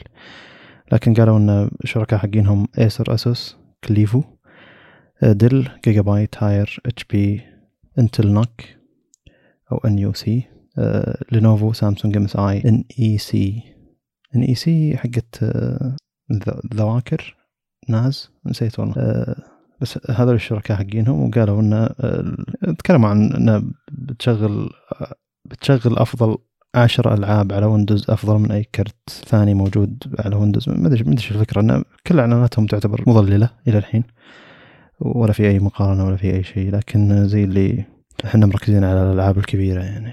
فما أدري شو الفكرة هل بيضبطون كرت الشاشة حقهم على شكل إنه يكون يشغل هذه الألعاب بشكل أفضل؟ ولا شو الفكرة؟ لكن أنا متحمس إنه ب... يعني متحمس بخصوص أنت عموما يعني إنها تكون آه، هي الحل يعني. آه، تصنيعيا الكميات كبيرة من الكروت هي اللي تحرك السوق من ناحية إنه يكون يرجع لسعره الأساسي. أنا أعتقد أنهم يعني هذه الشركات آه، اللي تعطينا المنتج النهائي أعتقد أن المشكلة ما هي عندهم هم قد ما يجيهم من أشباه موصلات قد ما يصنعون ف المشكلة ما هي عندهم. أه شفت ما أدري أنا يعني لي اطلاع اقتصادي مالي نوعا ما مؤخرا وأتوقع أغلب الناس كذا بحكم اللي قاعد يصير بالعالم يعني تأثر التصنيع خلينا نقول تأثر بعض الأمور الاقتصادية. يعني مثلا أسعار الالومنيوم ارتفعت فجأة كمثال. أنا بس أعطي يعني كذا مقدمة على فكرة إنه يعني بدأت شركات كبيرة تتحد ويعني خبر GM و Ford ما خاب ظني اتحدوا لأن يصنعون أو يفتحون مصنع أشباه موصلات semiconductors جميل. وأيضا السياسات اللي بالسوق قاعدة تتغير. يعني سابقا كانت الشركات ما تخزن ابدا. الشركات الكبيرة اللي خلينا نقول تاخذ المواد الخام وتصنعها. ما يعني ما تخزن ابدا كل شيء يعني يبون يحققون كفاءة عالية من ناحية إنه الطلب اللي بيجيني أنا بخدمه اي فما في سياسة تخزين. مؤخرا يقول لك إنه يعني مستودعات تخزين صار عليها طلب أكثر وارتفعت أسعارها أكثر بسبب إنه لا والله الشركات بدأت إيش؟ تحاول يعني تخزن كمية وبدأت تتخذ سياسة إنه لا أنت لا تصن لا تخزن المنتج النهائي أنت ممكن تخزن المواد الخام بحيث إنك تكون تقدر تصنع متى ما بغيت أنت. ما حد يفرض عليك. يعني بدل ما أنت تصنع وتخزن اللي صنعته وتنتظر اللي يشتريه لا أنت خل المواد الخام اللي قبل التصنيع مخزنة بحيث إنه لا والله أنا ما ما أبي أحقق أعلى كفاءة ممكنة من ناحية إني أصنع بشكل يعني مرن جدا لا أنا أبي أكون يعني محمي. فشوف هذه الحلول حقت أشباه الموصلات اللي طلعت من شركات غير متوقع إنها تطلع منها مثل جي إم وفورد. طبعا هم من أكثر الشركات اللي تضررت من هذه الناحية. يعني بسوق الكروت وكذا الشركات زي انفيديا وطقتها ما تضرروا قد ما تضررنا إحنا يعني المستخدمين ما نقدر نشتري. لكن أنت الآن تتكلم على مرحلة وصلت إن الشركات المصنعة هي اللي قاعدة تتضرر. فالحلول أعتقد والله أعلم أنها بتجي من ال يعني من اللي ما تتوقع إنها تجي منها الحلول. يعني المستخدم النهائي أو اللي يحتاج الخدمة هذه النهائي أو المنتج مثل شركات السيارات هي بتسعى الحلول وخبر آه، بعد الحلول في أوروبا تختلف عن الحلول الموجودة في أمريكا لكن الشيء اللي متأكدين منه انه ما صار في اعتمادية مركزية زي اللي كان موجود بالصين. آه الآن صار الجميع يحاول ينقذ نفسه ويحط خطط لتفادي تكرار أشياء مثل كذا. فما أعتقد أن ذي الشركات إنتل إنفيديا إي إم دي إنها هي المسؤولة يعني مسؤولة عن المشكلة وحلها لا ما أتوقع صراحة. لكن عندي إيمان إن المشكلة نفسها بتنحل. لازم تنحل يعني خلاص. إحنا عرفنا إن هذه أزمة فلا بد يكون العكس لابد يكون التوفر آه، بالسوق بكثرة. حلو. بحيث إنه يعني ترجع الأسعار لمنطقيتها وترجع المبيعات العالية للشركات. طيب. في شيء ما أبي أفوته يعني نرجع شوي CES اللي هو Lenovo أعلنت عن جهاز اسمه ThinkBook Plus Gen 3 هو الفكرة السابقة ال Asus اللي هو كان الزن Book ما أدري شو اللي كان فيه شاشة تحت شاشة فوق وال keyboard دافينه شوي لك وحاطين ال trackpad على اليمين. Lenovo عندهم فكرة ثانية أرسلت لك الصورة يعني. جابوا شاشة الأساسية اللي هي 21 عشرة. ليش؟ علشان يقدرون يحطون شاشة ثانية يعني طولية على يمين ال keyboard وال trackpad حقك بحيث إن هذه تكون شاشة لمس تقدر تستخدمها بشكل مباشر. الفكرة هنا كأنه تابلت موجود عندك جنب اللابتوب حقك بشكل مباشر لاصق فيه مربوط بالنظام نفسه. لمس تقدر تتحكم بأشياء معينة من الشاشة الأساسية. ما عرضوا أي طريقة استخدام. يعني ال Asus كان عندهم أفكار إن طريقة استخدام إنك تقدر تحط timeline حق مثلا Adobe Premiere تحت عشان تقدر تشوف كل الأشياء فوق ولا تحط مثلا ما ادري التحكم بالصوتيات تحت تشغل شيء فوق أي شيء زي كذا يعني. وكانت الشاشة اللي تحت ذي الطوليه كاملة اللي قدام ال keyboard أيضا لمس. لكن هنا Lenovo زي اللي عكسوا الفكرة اللي هو بدل ما إنها تكون شاشة طولية على كامل ال keyboard تكون شاشة كأنها حجم تابلت موجودة جنب ال keyboard. ال keyboard على اليسار trackpad على اليسار. أحس إني لو بشوف الجهاز هذا على الواقع بقول شو الفكرة الغبية هذه؟ وبنزعج جدا من إنه ال keyboard trackpad ما هو متوسط ما هو وسط الجهاز يعني احس إني بستخدم الجهاز والشاشة على اليمين شوي لأني بقعد جهة ال trackpad وال keyboard ما راح أقعد في في في المنتصف وال keyboard على يساري شوي. يكون هذا شيء مزعج. احس إني عندي OCD الحين يعني بس يكون ما أحس إنها تجربة ممتازة. لكن من الأفكار العجيبة اللي جت في CES هل الشاشة 16 9 21 10 يا حبيبي واضح. يعني هي شيله اللابتوب ذي صعبة. ultra wide إلا يعني تقريبا 21 9 21 10 قريب جدا. الشاشه 17.3 انش يعني اللابتوب نوعا ما كبير ما هو صغير. آه، سعره يبدأ من 1400 آه، دولار. ما يزال حق Asus منطقي أكثر بكثير يعني. مع إنه كان بالنسبة لي مزعج فكرة إنك تنزل ال keyboard تحت تحطه شوي على اليسار تحط trackpad على اليمين يعني. لكن هذا كان حتى يعني أظن أفكار إنك توضح وسائل استخدام الشيء اللي أنت قاعد تحط فكرته هي أكثر من إنك تسوي الفكرة نفسها. إذا سويت الفكرة أصلا لانك المفروض تكون عندك فكرة شلون تستخدم الشيء هذا. لكن إذا ما لها أي وسيلة استخدام أنت بنفسك كمسوق أو كشركة ما عرفت طريقة استخدام شو الفائدة يعني. أعتقد إن طريقة الاستخدام تجي قبل الابتكار نفسه يعني إن الواحد يحتاج الشيء فيبتكر ابتكار عشان يحل المشكلة. لكن هنا أنت ما حليت ولا مشكلة ما قدمت ولا طريقة استخدام فعجيب طيب نروح لمشكلة سامسونج مع معالجهم. أه وهنا قصة عجيبة يعني والإشاعات كثيرة والحين ما ندري عن شيء. كل الكلام اللي طالع إشاعات يا جماعة يعني لا أحد يصدق أي شيء ينقال من أي طرفين. كل موقع بدأ يقول اللي عنده كذا كتفاؤل ولا مسوي سبق صحفي يعني. الواقع أن سامسونج قالت أن شوقت بحسابها ك Exynos تقريبا نهاية السنة الماضية أن 11 يناير تقريبا أو 14 يناير بنعلن عن معالجنا الجديد Exynos 2200 جاء وقت الإعلان وسامسونج ما أعلنت عن شيء فبدأ كل صحفي وكل ذا يخمن من عنده ويجيب مصادر مدري وشو اللي يقول إن هذا المعالج تأخر سامسونج ما هي قادرة تصنع. اللي يقول إن المعالج ذا بيكون مربع بس والباقي باقي الديار كلها Snapdragon. اللي يقول أصلا المعالج ذا ما راح يجي على 22 22 كامل بيجي Snapdragon. أه، واقعيا الشركة أخطأت إنها تعلن عن مؤتمر ثم ما تسوي شيء لكن فعليا ما نتوقع من سامسونج إنها ما تحط معالجها اي ديرة من الديار يعني أو تسوي حركاتها المعتاده يعني إنه يكون المعالج هذا الفئه معينة و Snapdragon فئه معينة. لكن زي ما قلت سابقا نهاية السنة الماضية إن إحنا نبي المعالج أفضل سواء كان Exynos 2200 ولا كان Snapdragon أنا ما عندي مشكلة ب Exynos صحيح إنه سمع الله بالخير لكن S21 الماضي كان يعتبر معالج جيد وبعض الناس قالوا ان توفير الطاقة فيه أحسن أصلا من ال Snapdragon بعض التجارب يعني. والتجارب جدا قريبة من بعض لدرجة إنك ما أتوقع لو أعطيك الجهازين نفسهم بتفرق بين أدائهم يعني. ممكن السنة هذه يكون 2200 أحسن يعني ما ندري. لكن عموما واضح إن في سامسونج عندها مشكلة. مع معالجها. كل سنة نقول عنها. صح؟ يعني. لا يعني سنة وصلوا للتعادل السنة هذه يعني الماضية. تقريبا تعادل يعني. فممكن السنة هذه يكون أفضل. والتعادل كافي يعني انه خلاص أنا دامني اخذ قاعد أخذ جهاز نفس الجهاز الموجود الهونغ كونغ والأمريكا كافي يعني. قاعد أنصح الناس بس 21 بشكل أفضل وأكثر وثقه أكبر يعني.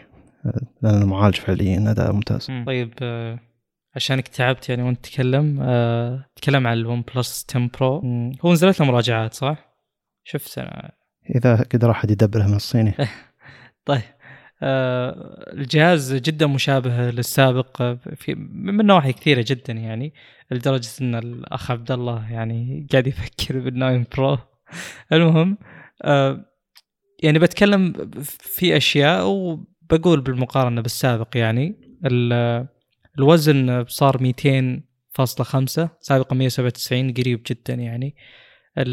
صار يعني السابق بحسب جيسون مارينا يدعم آي بي 68 الجديد مو مذكور هذا الشيء لكن أتوقع إنه يدعم. مو المنطقي إنه يكون ما يدعم. آه، بالنسبة للشاشة تغير فيها شيء مكتوب LTPO2 بحثت عن هذا الشيء ما لقيت شيء مميز فيه. يعني يقول وش الفرق الواضح بين LTPO 1 اللي هي تقنية أنه يكون variable refresh rate VRR من واحد إلى أعلى رقم موجود اللي هو في الأصل 120 شوف لكني قريت لحظة سم واحدة. إي أظن أظن OnePlus ال LTPO حقهم السابق كان من 10 هرتز يبدأ ما يبدأ من 1 هرتز. OnePlus بالذات يعني يبدأ من 10 هرتز مو 1 هرتز. آه ما أدري أنا اللي قريت الآن بحسب المواقع إنه لا بيكون مجرد يعني تحديث انها تكون أكثر نعومة في الانتقال من الترددات المنخفضة والمرتفعة. حلو. كمل. كمل. أم، ال- ال peak brightness نفسه آه، 1300 ما تغير. ال base سابقا ما كان مذكور الآن ال typical الآن 500 آه، طبعا شاشة 10 bit آه، يعني مليار لون. HDR 10 plus اللي هو يعني تعريف الشيء بطريقة أخرى. آه، بالنسبة screen to body ratio كان 90.3 الآن صار 90 توقعي والله أعلم إن لمجرد إن ال- الانحناء الجانبي يعني صار أقوى بشوي شيء بسيط جدا يعني. بالنسبة لل resolution نفسه 3000 و أو 1440 3216 اللي هو Quad HD plus نفس ال aspect ratio 20 9 القزاز تغير كان Gorilla Glass 5 صار Victus يجي طبعا الآن ب Android 12 مقابل اللي هو سابقا Android 11 upgradable بالنسبة للنظام وانت أبخص بهذا الشيء. الآن مكتوب إنه ColorOS هل لأنه صيني؟ لا خلاص ColorOS آه رسميا يعني ما في أكسجين. okay تمام. أنا غير متابع ل OnePlus نهائيا. من OnePlus 8 وفوق آه، Android 12 بيجي ب ColorOS خلاص ما عاد في أكسجين آه. اس فال7 okay، حلو. 70 OxygenOS بيجيهم تحديث حتى Android 12 على OxygenOS مم. طبعا المعالج تكلمنا عنه سابقا اللي هو ال Snapdragon 8 Gen 1 آه المعالج الرسومي أيضا تغير نفس ال package اللي يجي مع ال 8 Gen 1 اللي هو 730 سابقا 660 بالنسبة للتخزين يبدأ من 128 8 وهذا شيء سيء جدا ذكرناه طبعا كثير. آه 256 8 256 12 آه كلهم UFS 3.1 السابق والحالي. بالنسبة للكاميرات ال- الأساسية يبدو أنها ما تغيرت كهاردويريا آه، اللي هي آه، 48 ميجا بكسل 1.8 فتحة العدسة آه، 23 ملي البعد البؤري وطبعا ال- الكاميرات الأساسية تجي إما 23 أو 26 آم، في شيء اسمه omnidirectional PDAF هذا autofocus أتوقع. آه، تقنية OnePlus يعني موجود طبعا من السابق ما هو شيء جديد.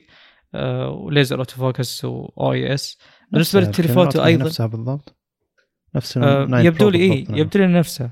أنا أتوقع انها طوروها بال color science والأشياء هذه حقت. اللي هو آه، Hasselblad آه، telephoto بشكل سريع 8 ميجا بكسل 2.4 77 ملي آه، 3.3 يعتبر optical zoom بالنسبة لل ultra wide 50 ميجا بكسل وتونا كنا نتكلم على قد إيش إنها فعلا ممتازة وهذا شيء جدا ممتاز. الحرص على ال ultra wides لانها تحتاج details أكثر تحتاج dynamic range أكبر لأن هي واسعة جدا فبتلتقط آه، يعني كادر متنوع آه، 2.2 فتحة العدسه 14 ملي آه، 150 درجة.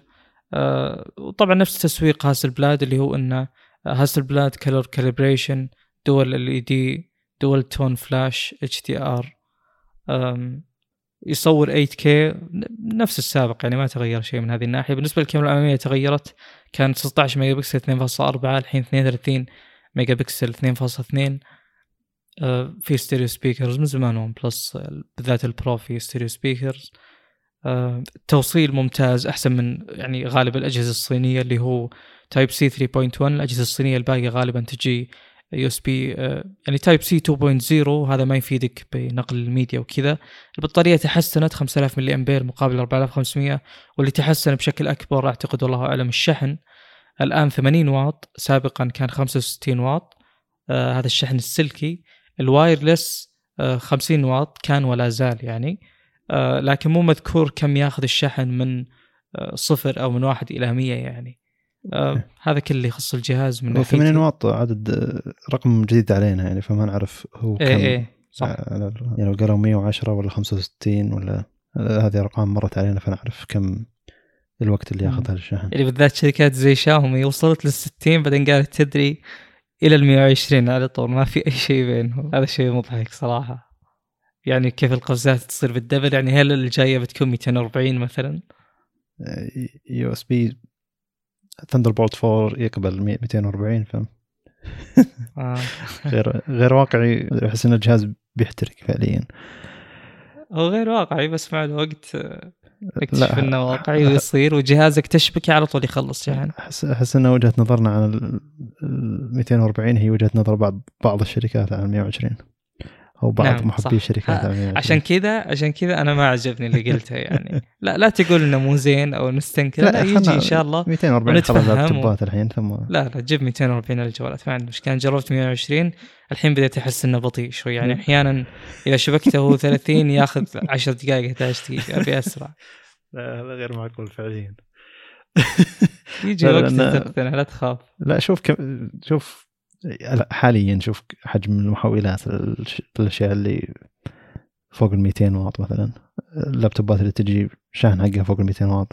المحول كبير بالعادة يعني مربع كذا كبير بوسط الشاحن إذا تخلصوا من الحجم الكبير بيعتبر شيء جيد حتى على واطات عالية لكن يحتاجون الحجم الكبير ذا regulation regulation consistency نسيت والله يعني على أساس إيه. يصير متواصل الشحن ما يكون متردد تردد كبير لدرجة إنه يأثر على الجهاز الثاني المحولات مم. هذه في الغالب تكون عشان يصير آه، شحن على وضع واحد ما يكون التردد حقه المدى حق التردد حقه عالي مم. طيب. أنا أقول خليه يروحون 240 يصير يتوحد لابتوب كل شيء نفسه يعني. الحياة تصير حلوة. أه وبعدين إذا شريت الشاحن اللي فيه ست منافذ كم يستهلك واط من المنفذ حقك حق الكهرب؟ ممكن يحرق الفيش الأساسي يعني. والله ما أدري. واقع واقعيا يعني الحين إذا الدفايات أم 1500 واط أو 1000 1200 واط تح- تحرق بعض التوصيلات ف تونا تونا 240 بس. لا أنا أقصد إنه مو- يشترون الناس USB hub شاحن يعني فيه ست منافذ. إيه. فتخيل ست منافذ 240 واط. إيش بيصير يعني؟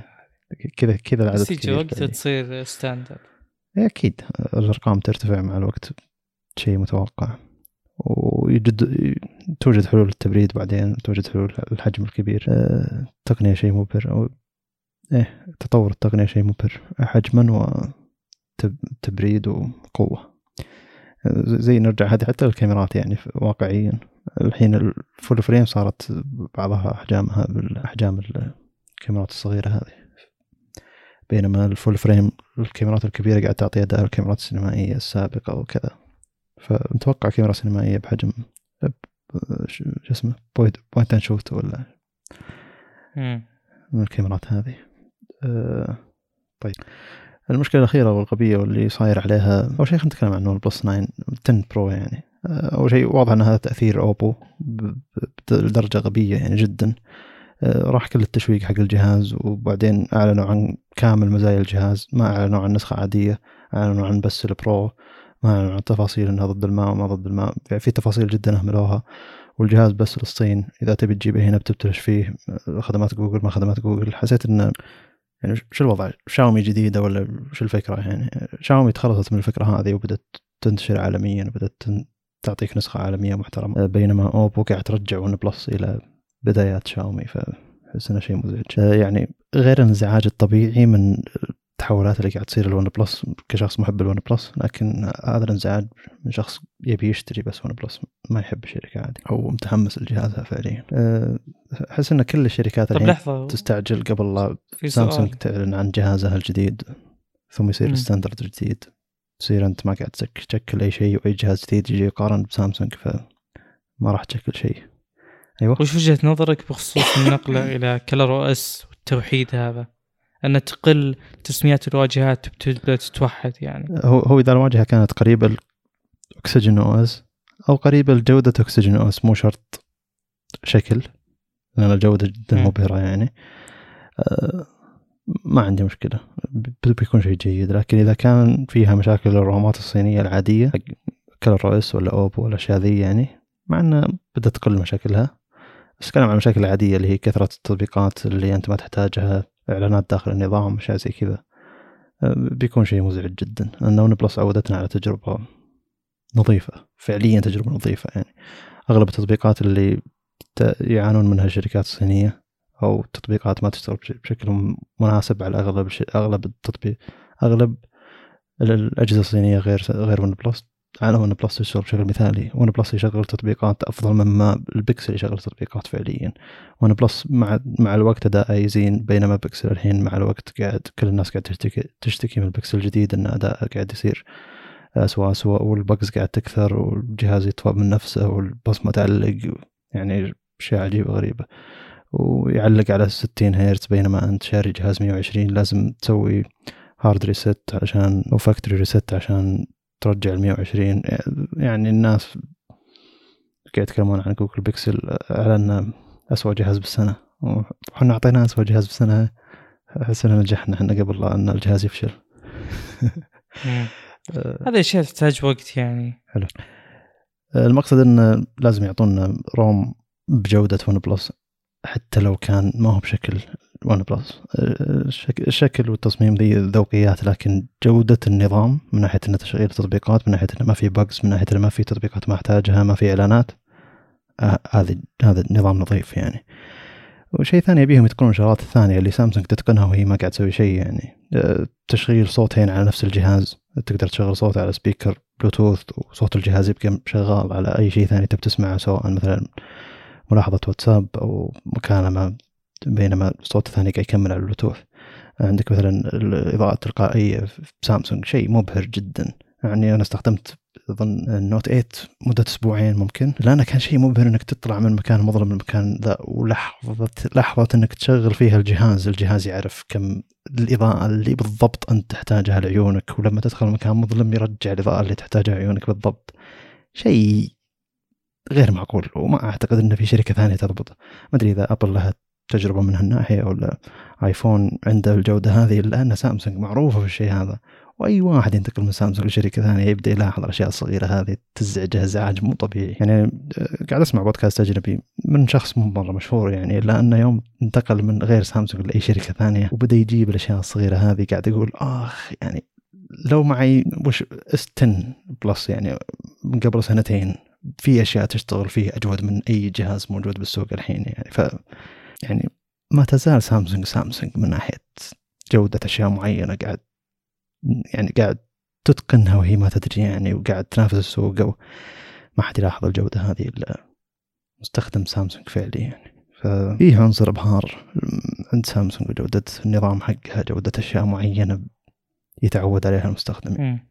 آه، بخصوص الواجهة آه، يعني ذكرت كلام جيد إنه إذا كان بنفس يعني الجودة السابقة الون بلس يعني ون بلس أصلا ما ما انعرفت إلا عشان أول اللي هو شو اسمه كان Cyanogen الظاهر. نعم. بعدين أكسجين. فالآن يعني الأشياء الجاذبة قلت بشكل كبير خصوصا انه كونك تروح لون بلس هذا يعني إنه ما في ecosystem أصلا. أشياء بسيطة وش سماعة يمكن ولا يعني ما ما عندك زي فكرة سامسونج بال ecosystem الكبير حقها أو اللي تسعى شاومي الآن. فالجهاز فعلا الأوراق اللي ممكن يساوم عليها الآن قليلة جدا مقارنة بالسابق. ما عاد بقى إلا ورقة السعر يعني المفروض تكون أفضل. أه وبكذا يقدر ينافس غيره. شيء يعني مو بحلو صراحة. مو بحلو اللي يصير ون بلس يعني. شوف من ناحية نظام هو أحد شيئين. إما أنهم ألغوا اللي يطورون النظام عند ون بلس نهائيا أو إنهم ضموهم للفريق. إذا ضموهم للفريق وتأثير مطورين ون بلس على على أوبو نفسها كبير نظام أوبو نفسه بيتعدل مع إنه ما لي تجربة ال ColorOS يعني إلا انه أجزم جزما إن OxygenOS جودته أعلى. وشيء ثاني الناس اللي يطورون OxygenOS أحس إنهم أدري يعني يحبون الشركة ولا يحبون النظام أو يحبون تطوير النظام. يعني تحس إنه شيء مصنوع من شخص يحب أندرويد. يعني مو والله تعال سوي نظام ولا واجهه سوي لك أي واجهه وحط لك الوان ويلا أرسلها للناس يعني وشوية مزايا وخلاص. تحس إنه واحد أخذ النظام الخام ذاك الوقت ولا CyanogenMod ثم أضاف عليها إضافات هو فعلا المستخدم يحتاجها ثم خلى ثم بدأ يركز على الجودة أكثر شيء ثم الجودة ارتفعت إلى درجة مرعبة. والظاهر بس أضافوا فيسبوك الظاهر جتهم فترة أضافوا فيسبوك كذا كتطبيق. محمل مسبقا يعني وأيضا الناس ترى ثارت وحاست الدنيا خلاص يعني عشان بس فيسبوك روح افتح أي جهاز صيني ثاني شوف كم تطبيق فيه ما تحتاجه يعني. مع إنه تقدر تلغي التثبيت وكذا لكن المقصد إنه مزعج ترى لا تجبرني مو نعم. سهل يعني. اي اي صح. الإجبار سيء جدا يعني ال bloatware هذا التطبيقات المثبتة مسبقا في واجهات الأجهزة الصينية. يا رجل وش ذا يعني؟ حتى ال- حتى إذا جيت مثلا تروح يسار بالشاشة الرئيسية بال home. المفروض يجيك آه، حق جوجل يعني. آه، إذا جاك حق ال- الصيني ترى ما يترجم لك مثلا. حلو. ومرة يعني لو لو الجهاز لغته إنجليزي ما يعني ال bloatware كله ما يعتبر الإنجليزي شيء. ومزعج من نواحي كثيرة جدا يعني. فودك الجهاز يجي ما في شيء أحسن. جميل. أه المهم انه هم يعني اللي طوروا نظام OxygenOS بعد نجاحهم مع Cyanogen والناس كلها كانت تقول Cyanogen هي سبب النجاح. هي جزء من سبب النجاح لكن OxygenOS بعدها تطور على CyanogenMod فعليا يعني. OxygenOS كان نظام فعليا مبهر يعني جودة مو طبيعية للنظام وأي إضافة جديدة تضيفها يضيفونها يعني. لكن آه، صحيح كان مزعج مزعجة مزعجة سالفة ال- ال always-on display لكن هذا شيء نقدر نمشي لهم يعني.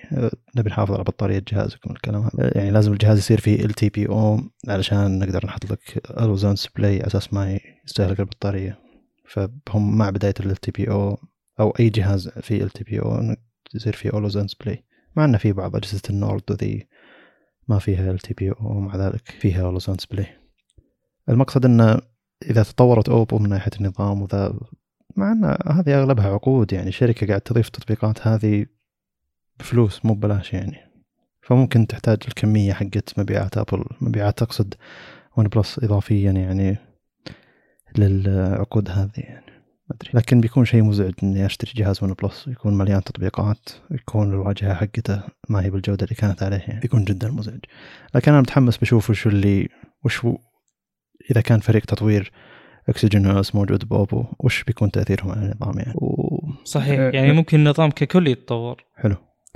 وعموما ترى يعني الفئة اللي أخذتها ون بلس كفئة كانت محبة للنظام الخام وأضافوا عليها إضافات معينة وكذا هي فئة قليلة قليلة جدا من الناس يعني.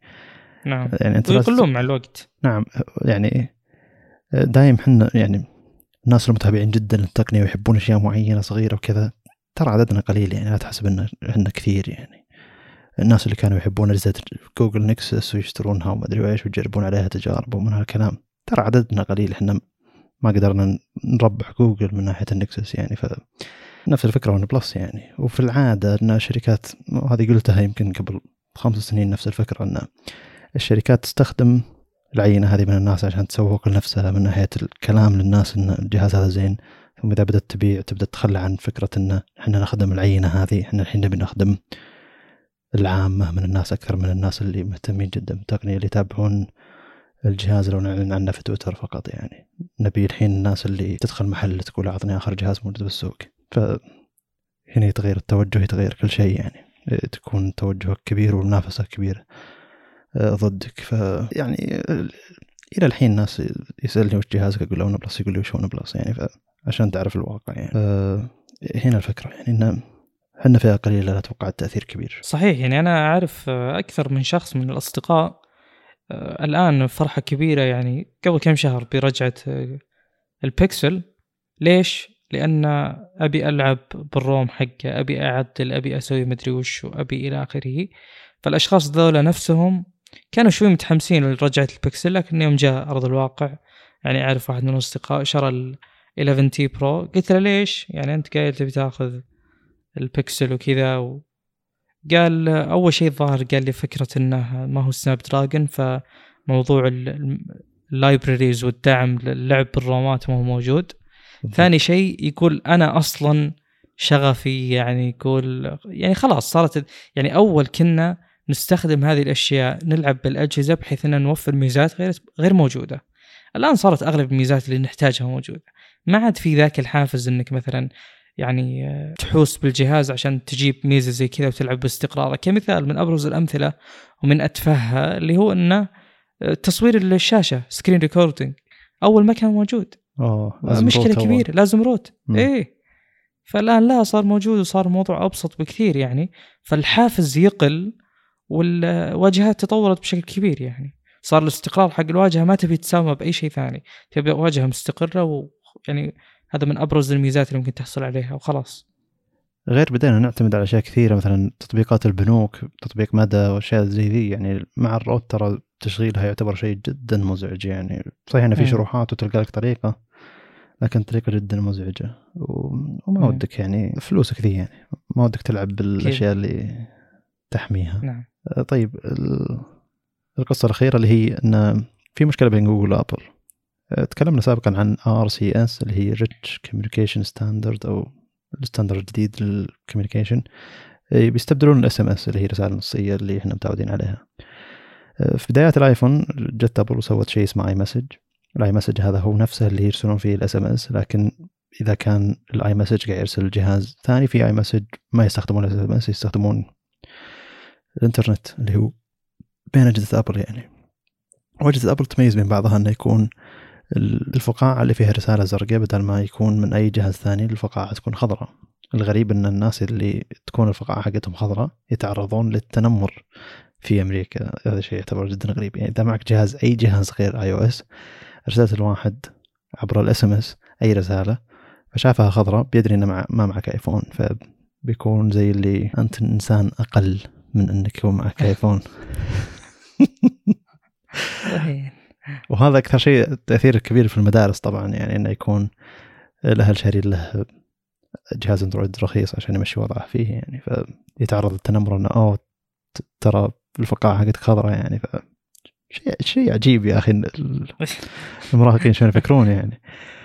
المقصد ان آه، المجتمع تعود على iMessage المجتمع الأمريكي تعود على iMessage فصار جزء من ارتباط الناس ب iOS iMessage صار iMessage في group عوائل العائلات group العائلة group زي الواتساب عند بقية العالم أو زي الوي شات عند الصين ولا زي تليجرام عند الروس مثلا ولا فيسبوك ماسنجر عند الهند زي كذا يعني. المقصد ان تلقى كل ديرة عندها تقريبا برنامج معتمدين عليه بشكل كلي بينما الأمريكان بما أن ال iOS هو الثورة التقنية حقتهم فكان إنه يكون معك آيفون. هي هو أكثر شيء ويعني مبهر بالنسبة للناس. وصار كل الناس معهم iOS. ليش ليش أنت ما يصير معك iOS؟ ما تقدر تدخل ال group تتونس بال group ما تقدر تشوف الميديا اللي موجودة بال group إلا إذا كان معك iOS. فعشان تكون مع الجو حق العائلة ومع الجو حق أي group موجود على iMessage لازم تشتري iOS. ف جوجل الحين تبي تنهي المشكلة هذه تبي تعتمد RCS. تبي تخلي iMessage يعتمد على RCS تنتهي مشكلة الأخضر والأزرق وتكون الوضع وضع تمام. لكن أبل رفضت كليا قالت إن آه، يعني برامج تطبيقات iMessage حقنا يعني مخصص لل iOS وحنا ما نبي نخليه يرتبط بأشياء ثانية أو زي كذا. وتكلموا عن شيء له علاقة بالأمان. طبعا ما كان التصريح علني كان تصريح بين جوجل وأبل يعني. جوجل مهتمة إنها تنشر RCS بشكل كبير جدا. فكلمت جميع آه، شركات الاتصالات الأمريكية إنها تدعم RCS وهذه والشركات هذه موافقة على الفكرة هذه بشكل كبير. لكن الحين العائق الأكبر هو iOS أو ابل فأول شيء المشكلة مضحكة جدا يعني. والمدري الشيء الغير منطقي يعني انه ممكن تقول للمجتمع هناك ليش ما تغيرون عن iMessage وتروحون لأي تطبيق ثاني؟ بتكون هذه زي مشكلة اللي عندنا لما لما الناس فجأة لما كرهنا واتساب أو في ناس كثير تكره واتساب أو واتساب فيه بعض المشاكل. حاولنا ننقل الناس للتليجرام لكن الناس ما انتقلت للتليجرام تعودت على واتساب. كثير من الناس أصلا يحمل جهاز يحمل واتساب ينقل محادثات واتساب بالجهاز وهذا أكثر شيء يسأل محلات الاتصالات عنه إنه هو تنقل محادثات واتساب؟ هذا السؤال الأكبر. فبينما لو كان في تليجرام كل شيء على كلاود تنتقل من جهاز لجهاز بروح لمكان ثاني فصعب تروح تفهم الناس إن كلكم انقلوا لي هنا عشان هذا أحسن. هم خلاص تعودوا على الشيء هذا بيكون الشيء هذا مضبوط. فنفس الفكرة إن هناك لما تحاول تخلي العائلة حقتك كلها تحمل برنامج غير الأي مسج. عشان آه، تكون نقدر نتواصل بين أي جهاز إلى أي جهاز أو أي نظام إلى أي نظام آه، بيكون الأمر متعب. يعني الناس تعودت على شيء صعب تخليه. صحيح هذا في أغلب الأماكن يعني. حتى علينا قد يكون ثقيل الانتقال. فاللي اللي عنده شريحة أكبر من مستخدمين لشيء يعني ستاتيك زي واتساب ولا تليجرام شيء يعني ما تتابع فيه أخبار أنت ولا يعني شيء لو ما جاء تحديث يمكن ما يفرق معك. ف يعني اللي عنده شريحة مستخدمين أكبر بهذه الأماكن غالبا يعني هو اللي بيتفوق لأن هذه هذه يعني جهات متنافسة على نفس المجال. ما هو زي مثلا تطبيقات أو منصات خلينا نقول بالأصح آه، تطلع وتختفي لأجل إنها ما قدمت شيء بطريقة معينة مثلا. يعني إنستغرام آه، تذكرون يوم صارت سالفة stories وكذا. الناس يعني كانت تعترض على أن stories تطلع بالمنصات هذه.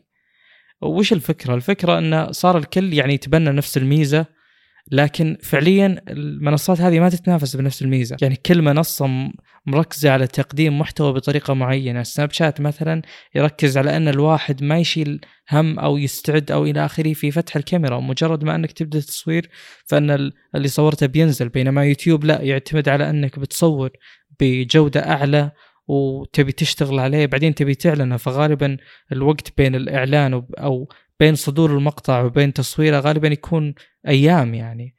ما يكون مثل اللي موجود بسناب شات فالفكرة اللي جابتني هنا اللي هو إن المنافسة في هذه التطبيقات هي جدا ستاتيك سواء مسجنج ولا آه، واتساب ولا تليجرام فهنا نقل شريحة المستخدمين أصعب. بينما لو تنزل منصة جديدة مثلا زي كلاب هاوس يوم طلع الناس ما عندها أي مشكلة إنها تروح له لأنه ما هو انتقال هو. هو انتقال يعني إضافة شيء جديد وليس انتقال من مجال إلى مجال أو من منصة إلى منصة. فهناك لا عادي الناس ما عندها أي مشكلة تحمل شيء جديد وتجربه لكن إنها تنتقل من شيء موجود إلى شيء طبعا مو انتقال كامل لكن لمجرد استخدام الاثنين هو المستخدم العادي يقول لا أنا كل اللي أعرفهم موجودين هنا ليش بضطر أستخدم هذا التطبيق الجديد اللي ما أعرف لوحدته زين أو متعود على ألوانه؟ إي بس إحنا انتقالنا مثلا من التليجرام من واتساب للتليجرام بيكون نوعا ما غير منطقي يعني. الحين لما تأخذ رقم أي واحد تروح تحاول تراسل على واتساب بشكل مباشر والأصل إنه عنده رقم عنده حساب على واتساب يعني. بينما تليجرام الموضوع نوعا ما أعقد من كذا يعني آه لأن أنت عندك حساب وعندك رقم جوال فيه تقدر تخل تشارك الحساب بدون رقم الجوال تقدر تخلي أحد يراسلك بدون لا يعرف رقم جوالك يعني.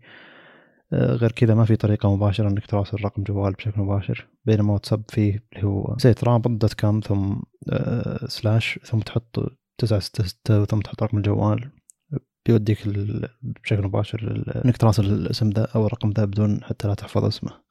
أدري إن الطريقة ذي مرة حقت واحد يعني ما يبي يسجل أي رقم ثاني غير الأرقام اللي تهمه يعني لكن طريقة اتبعها شخصيا يعني.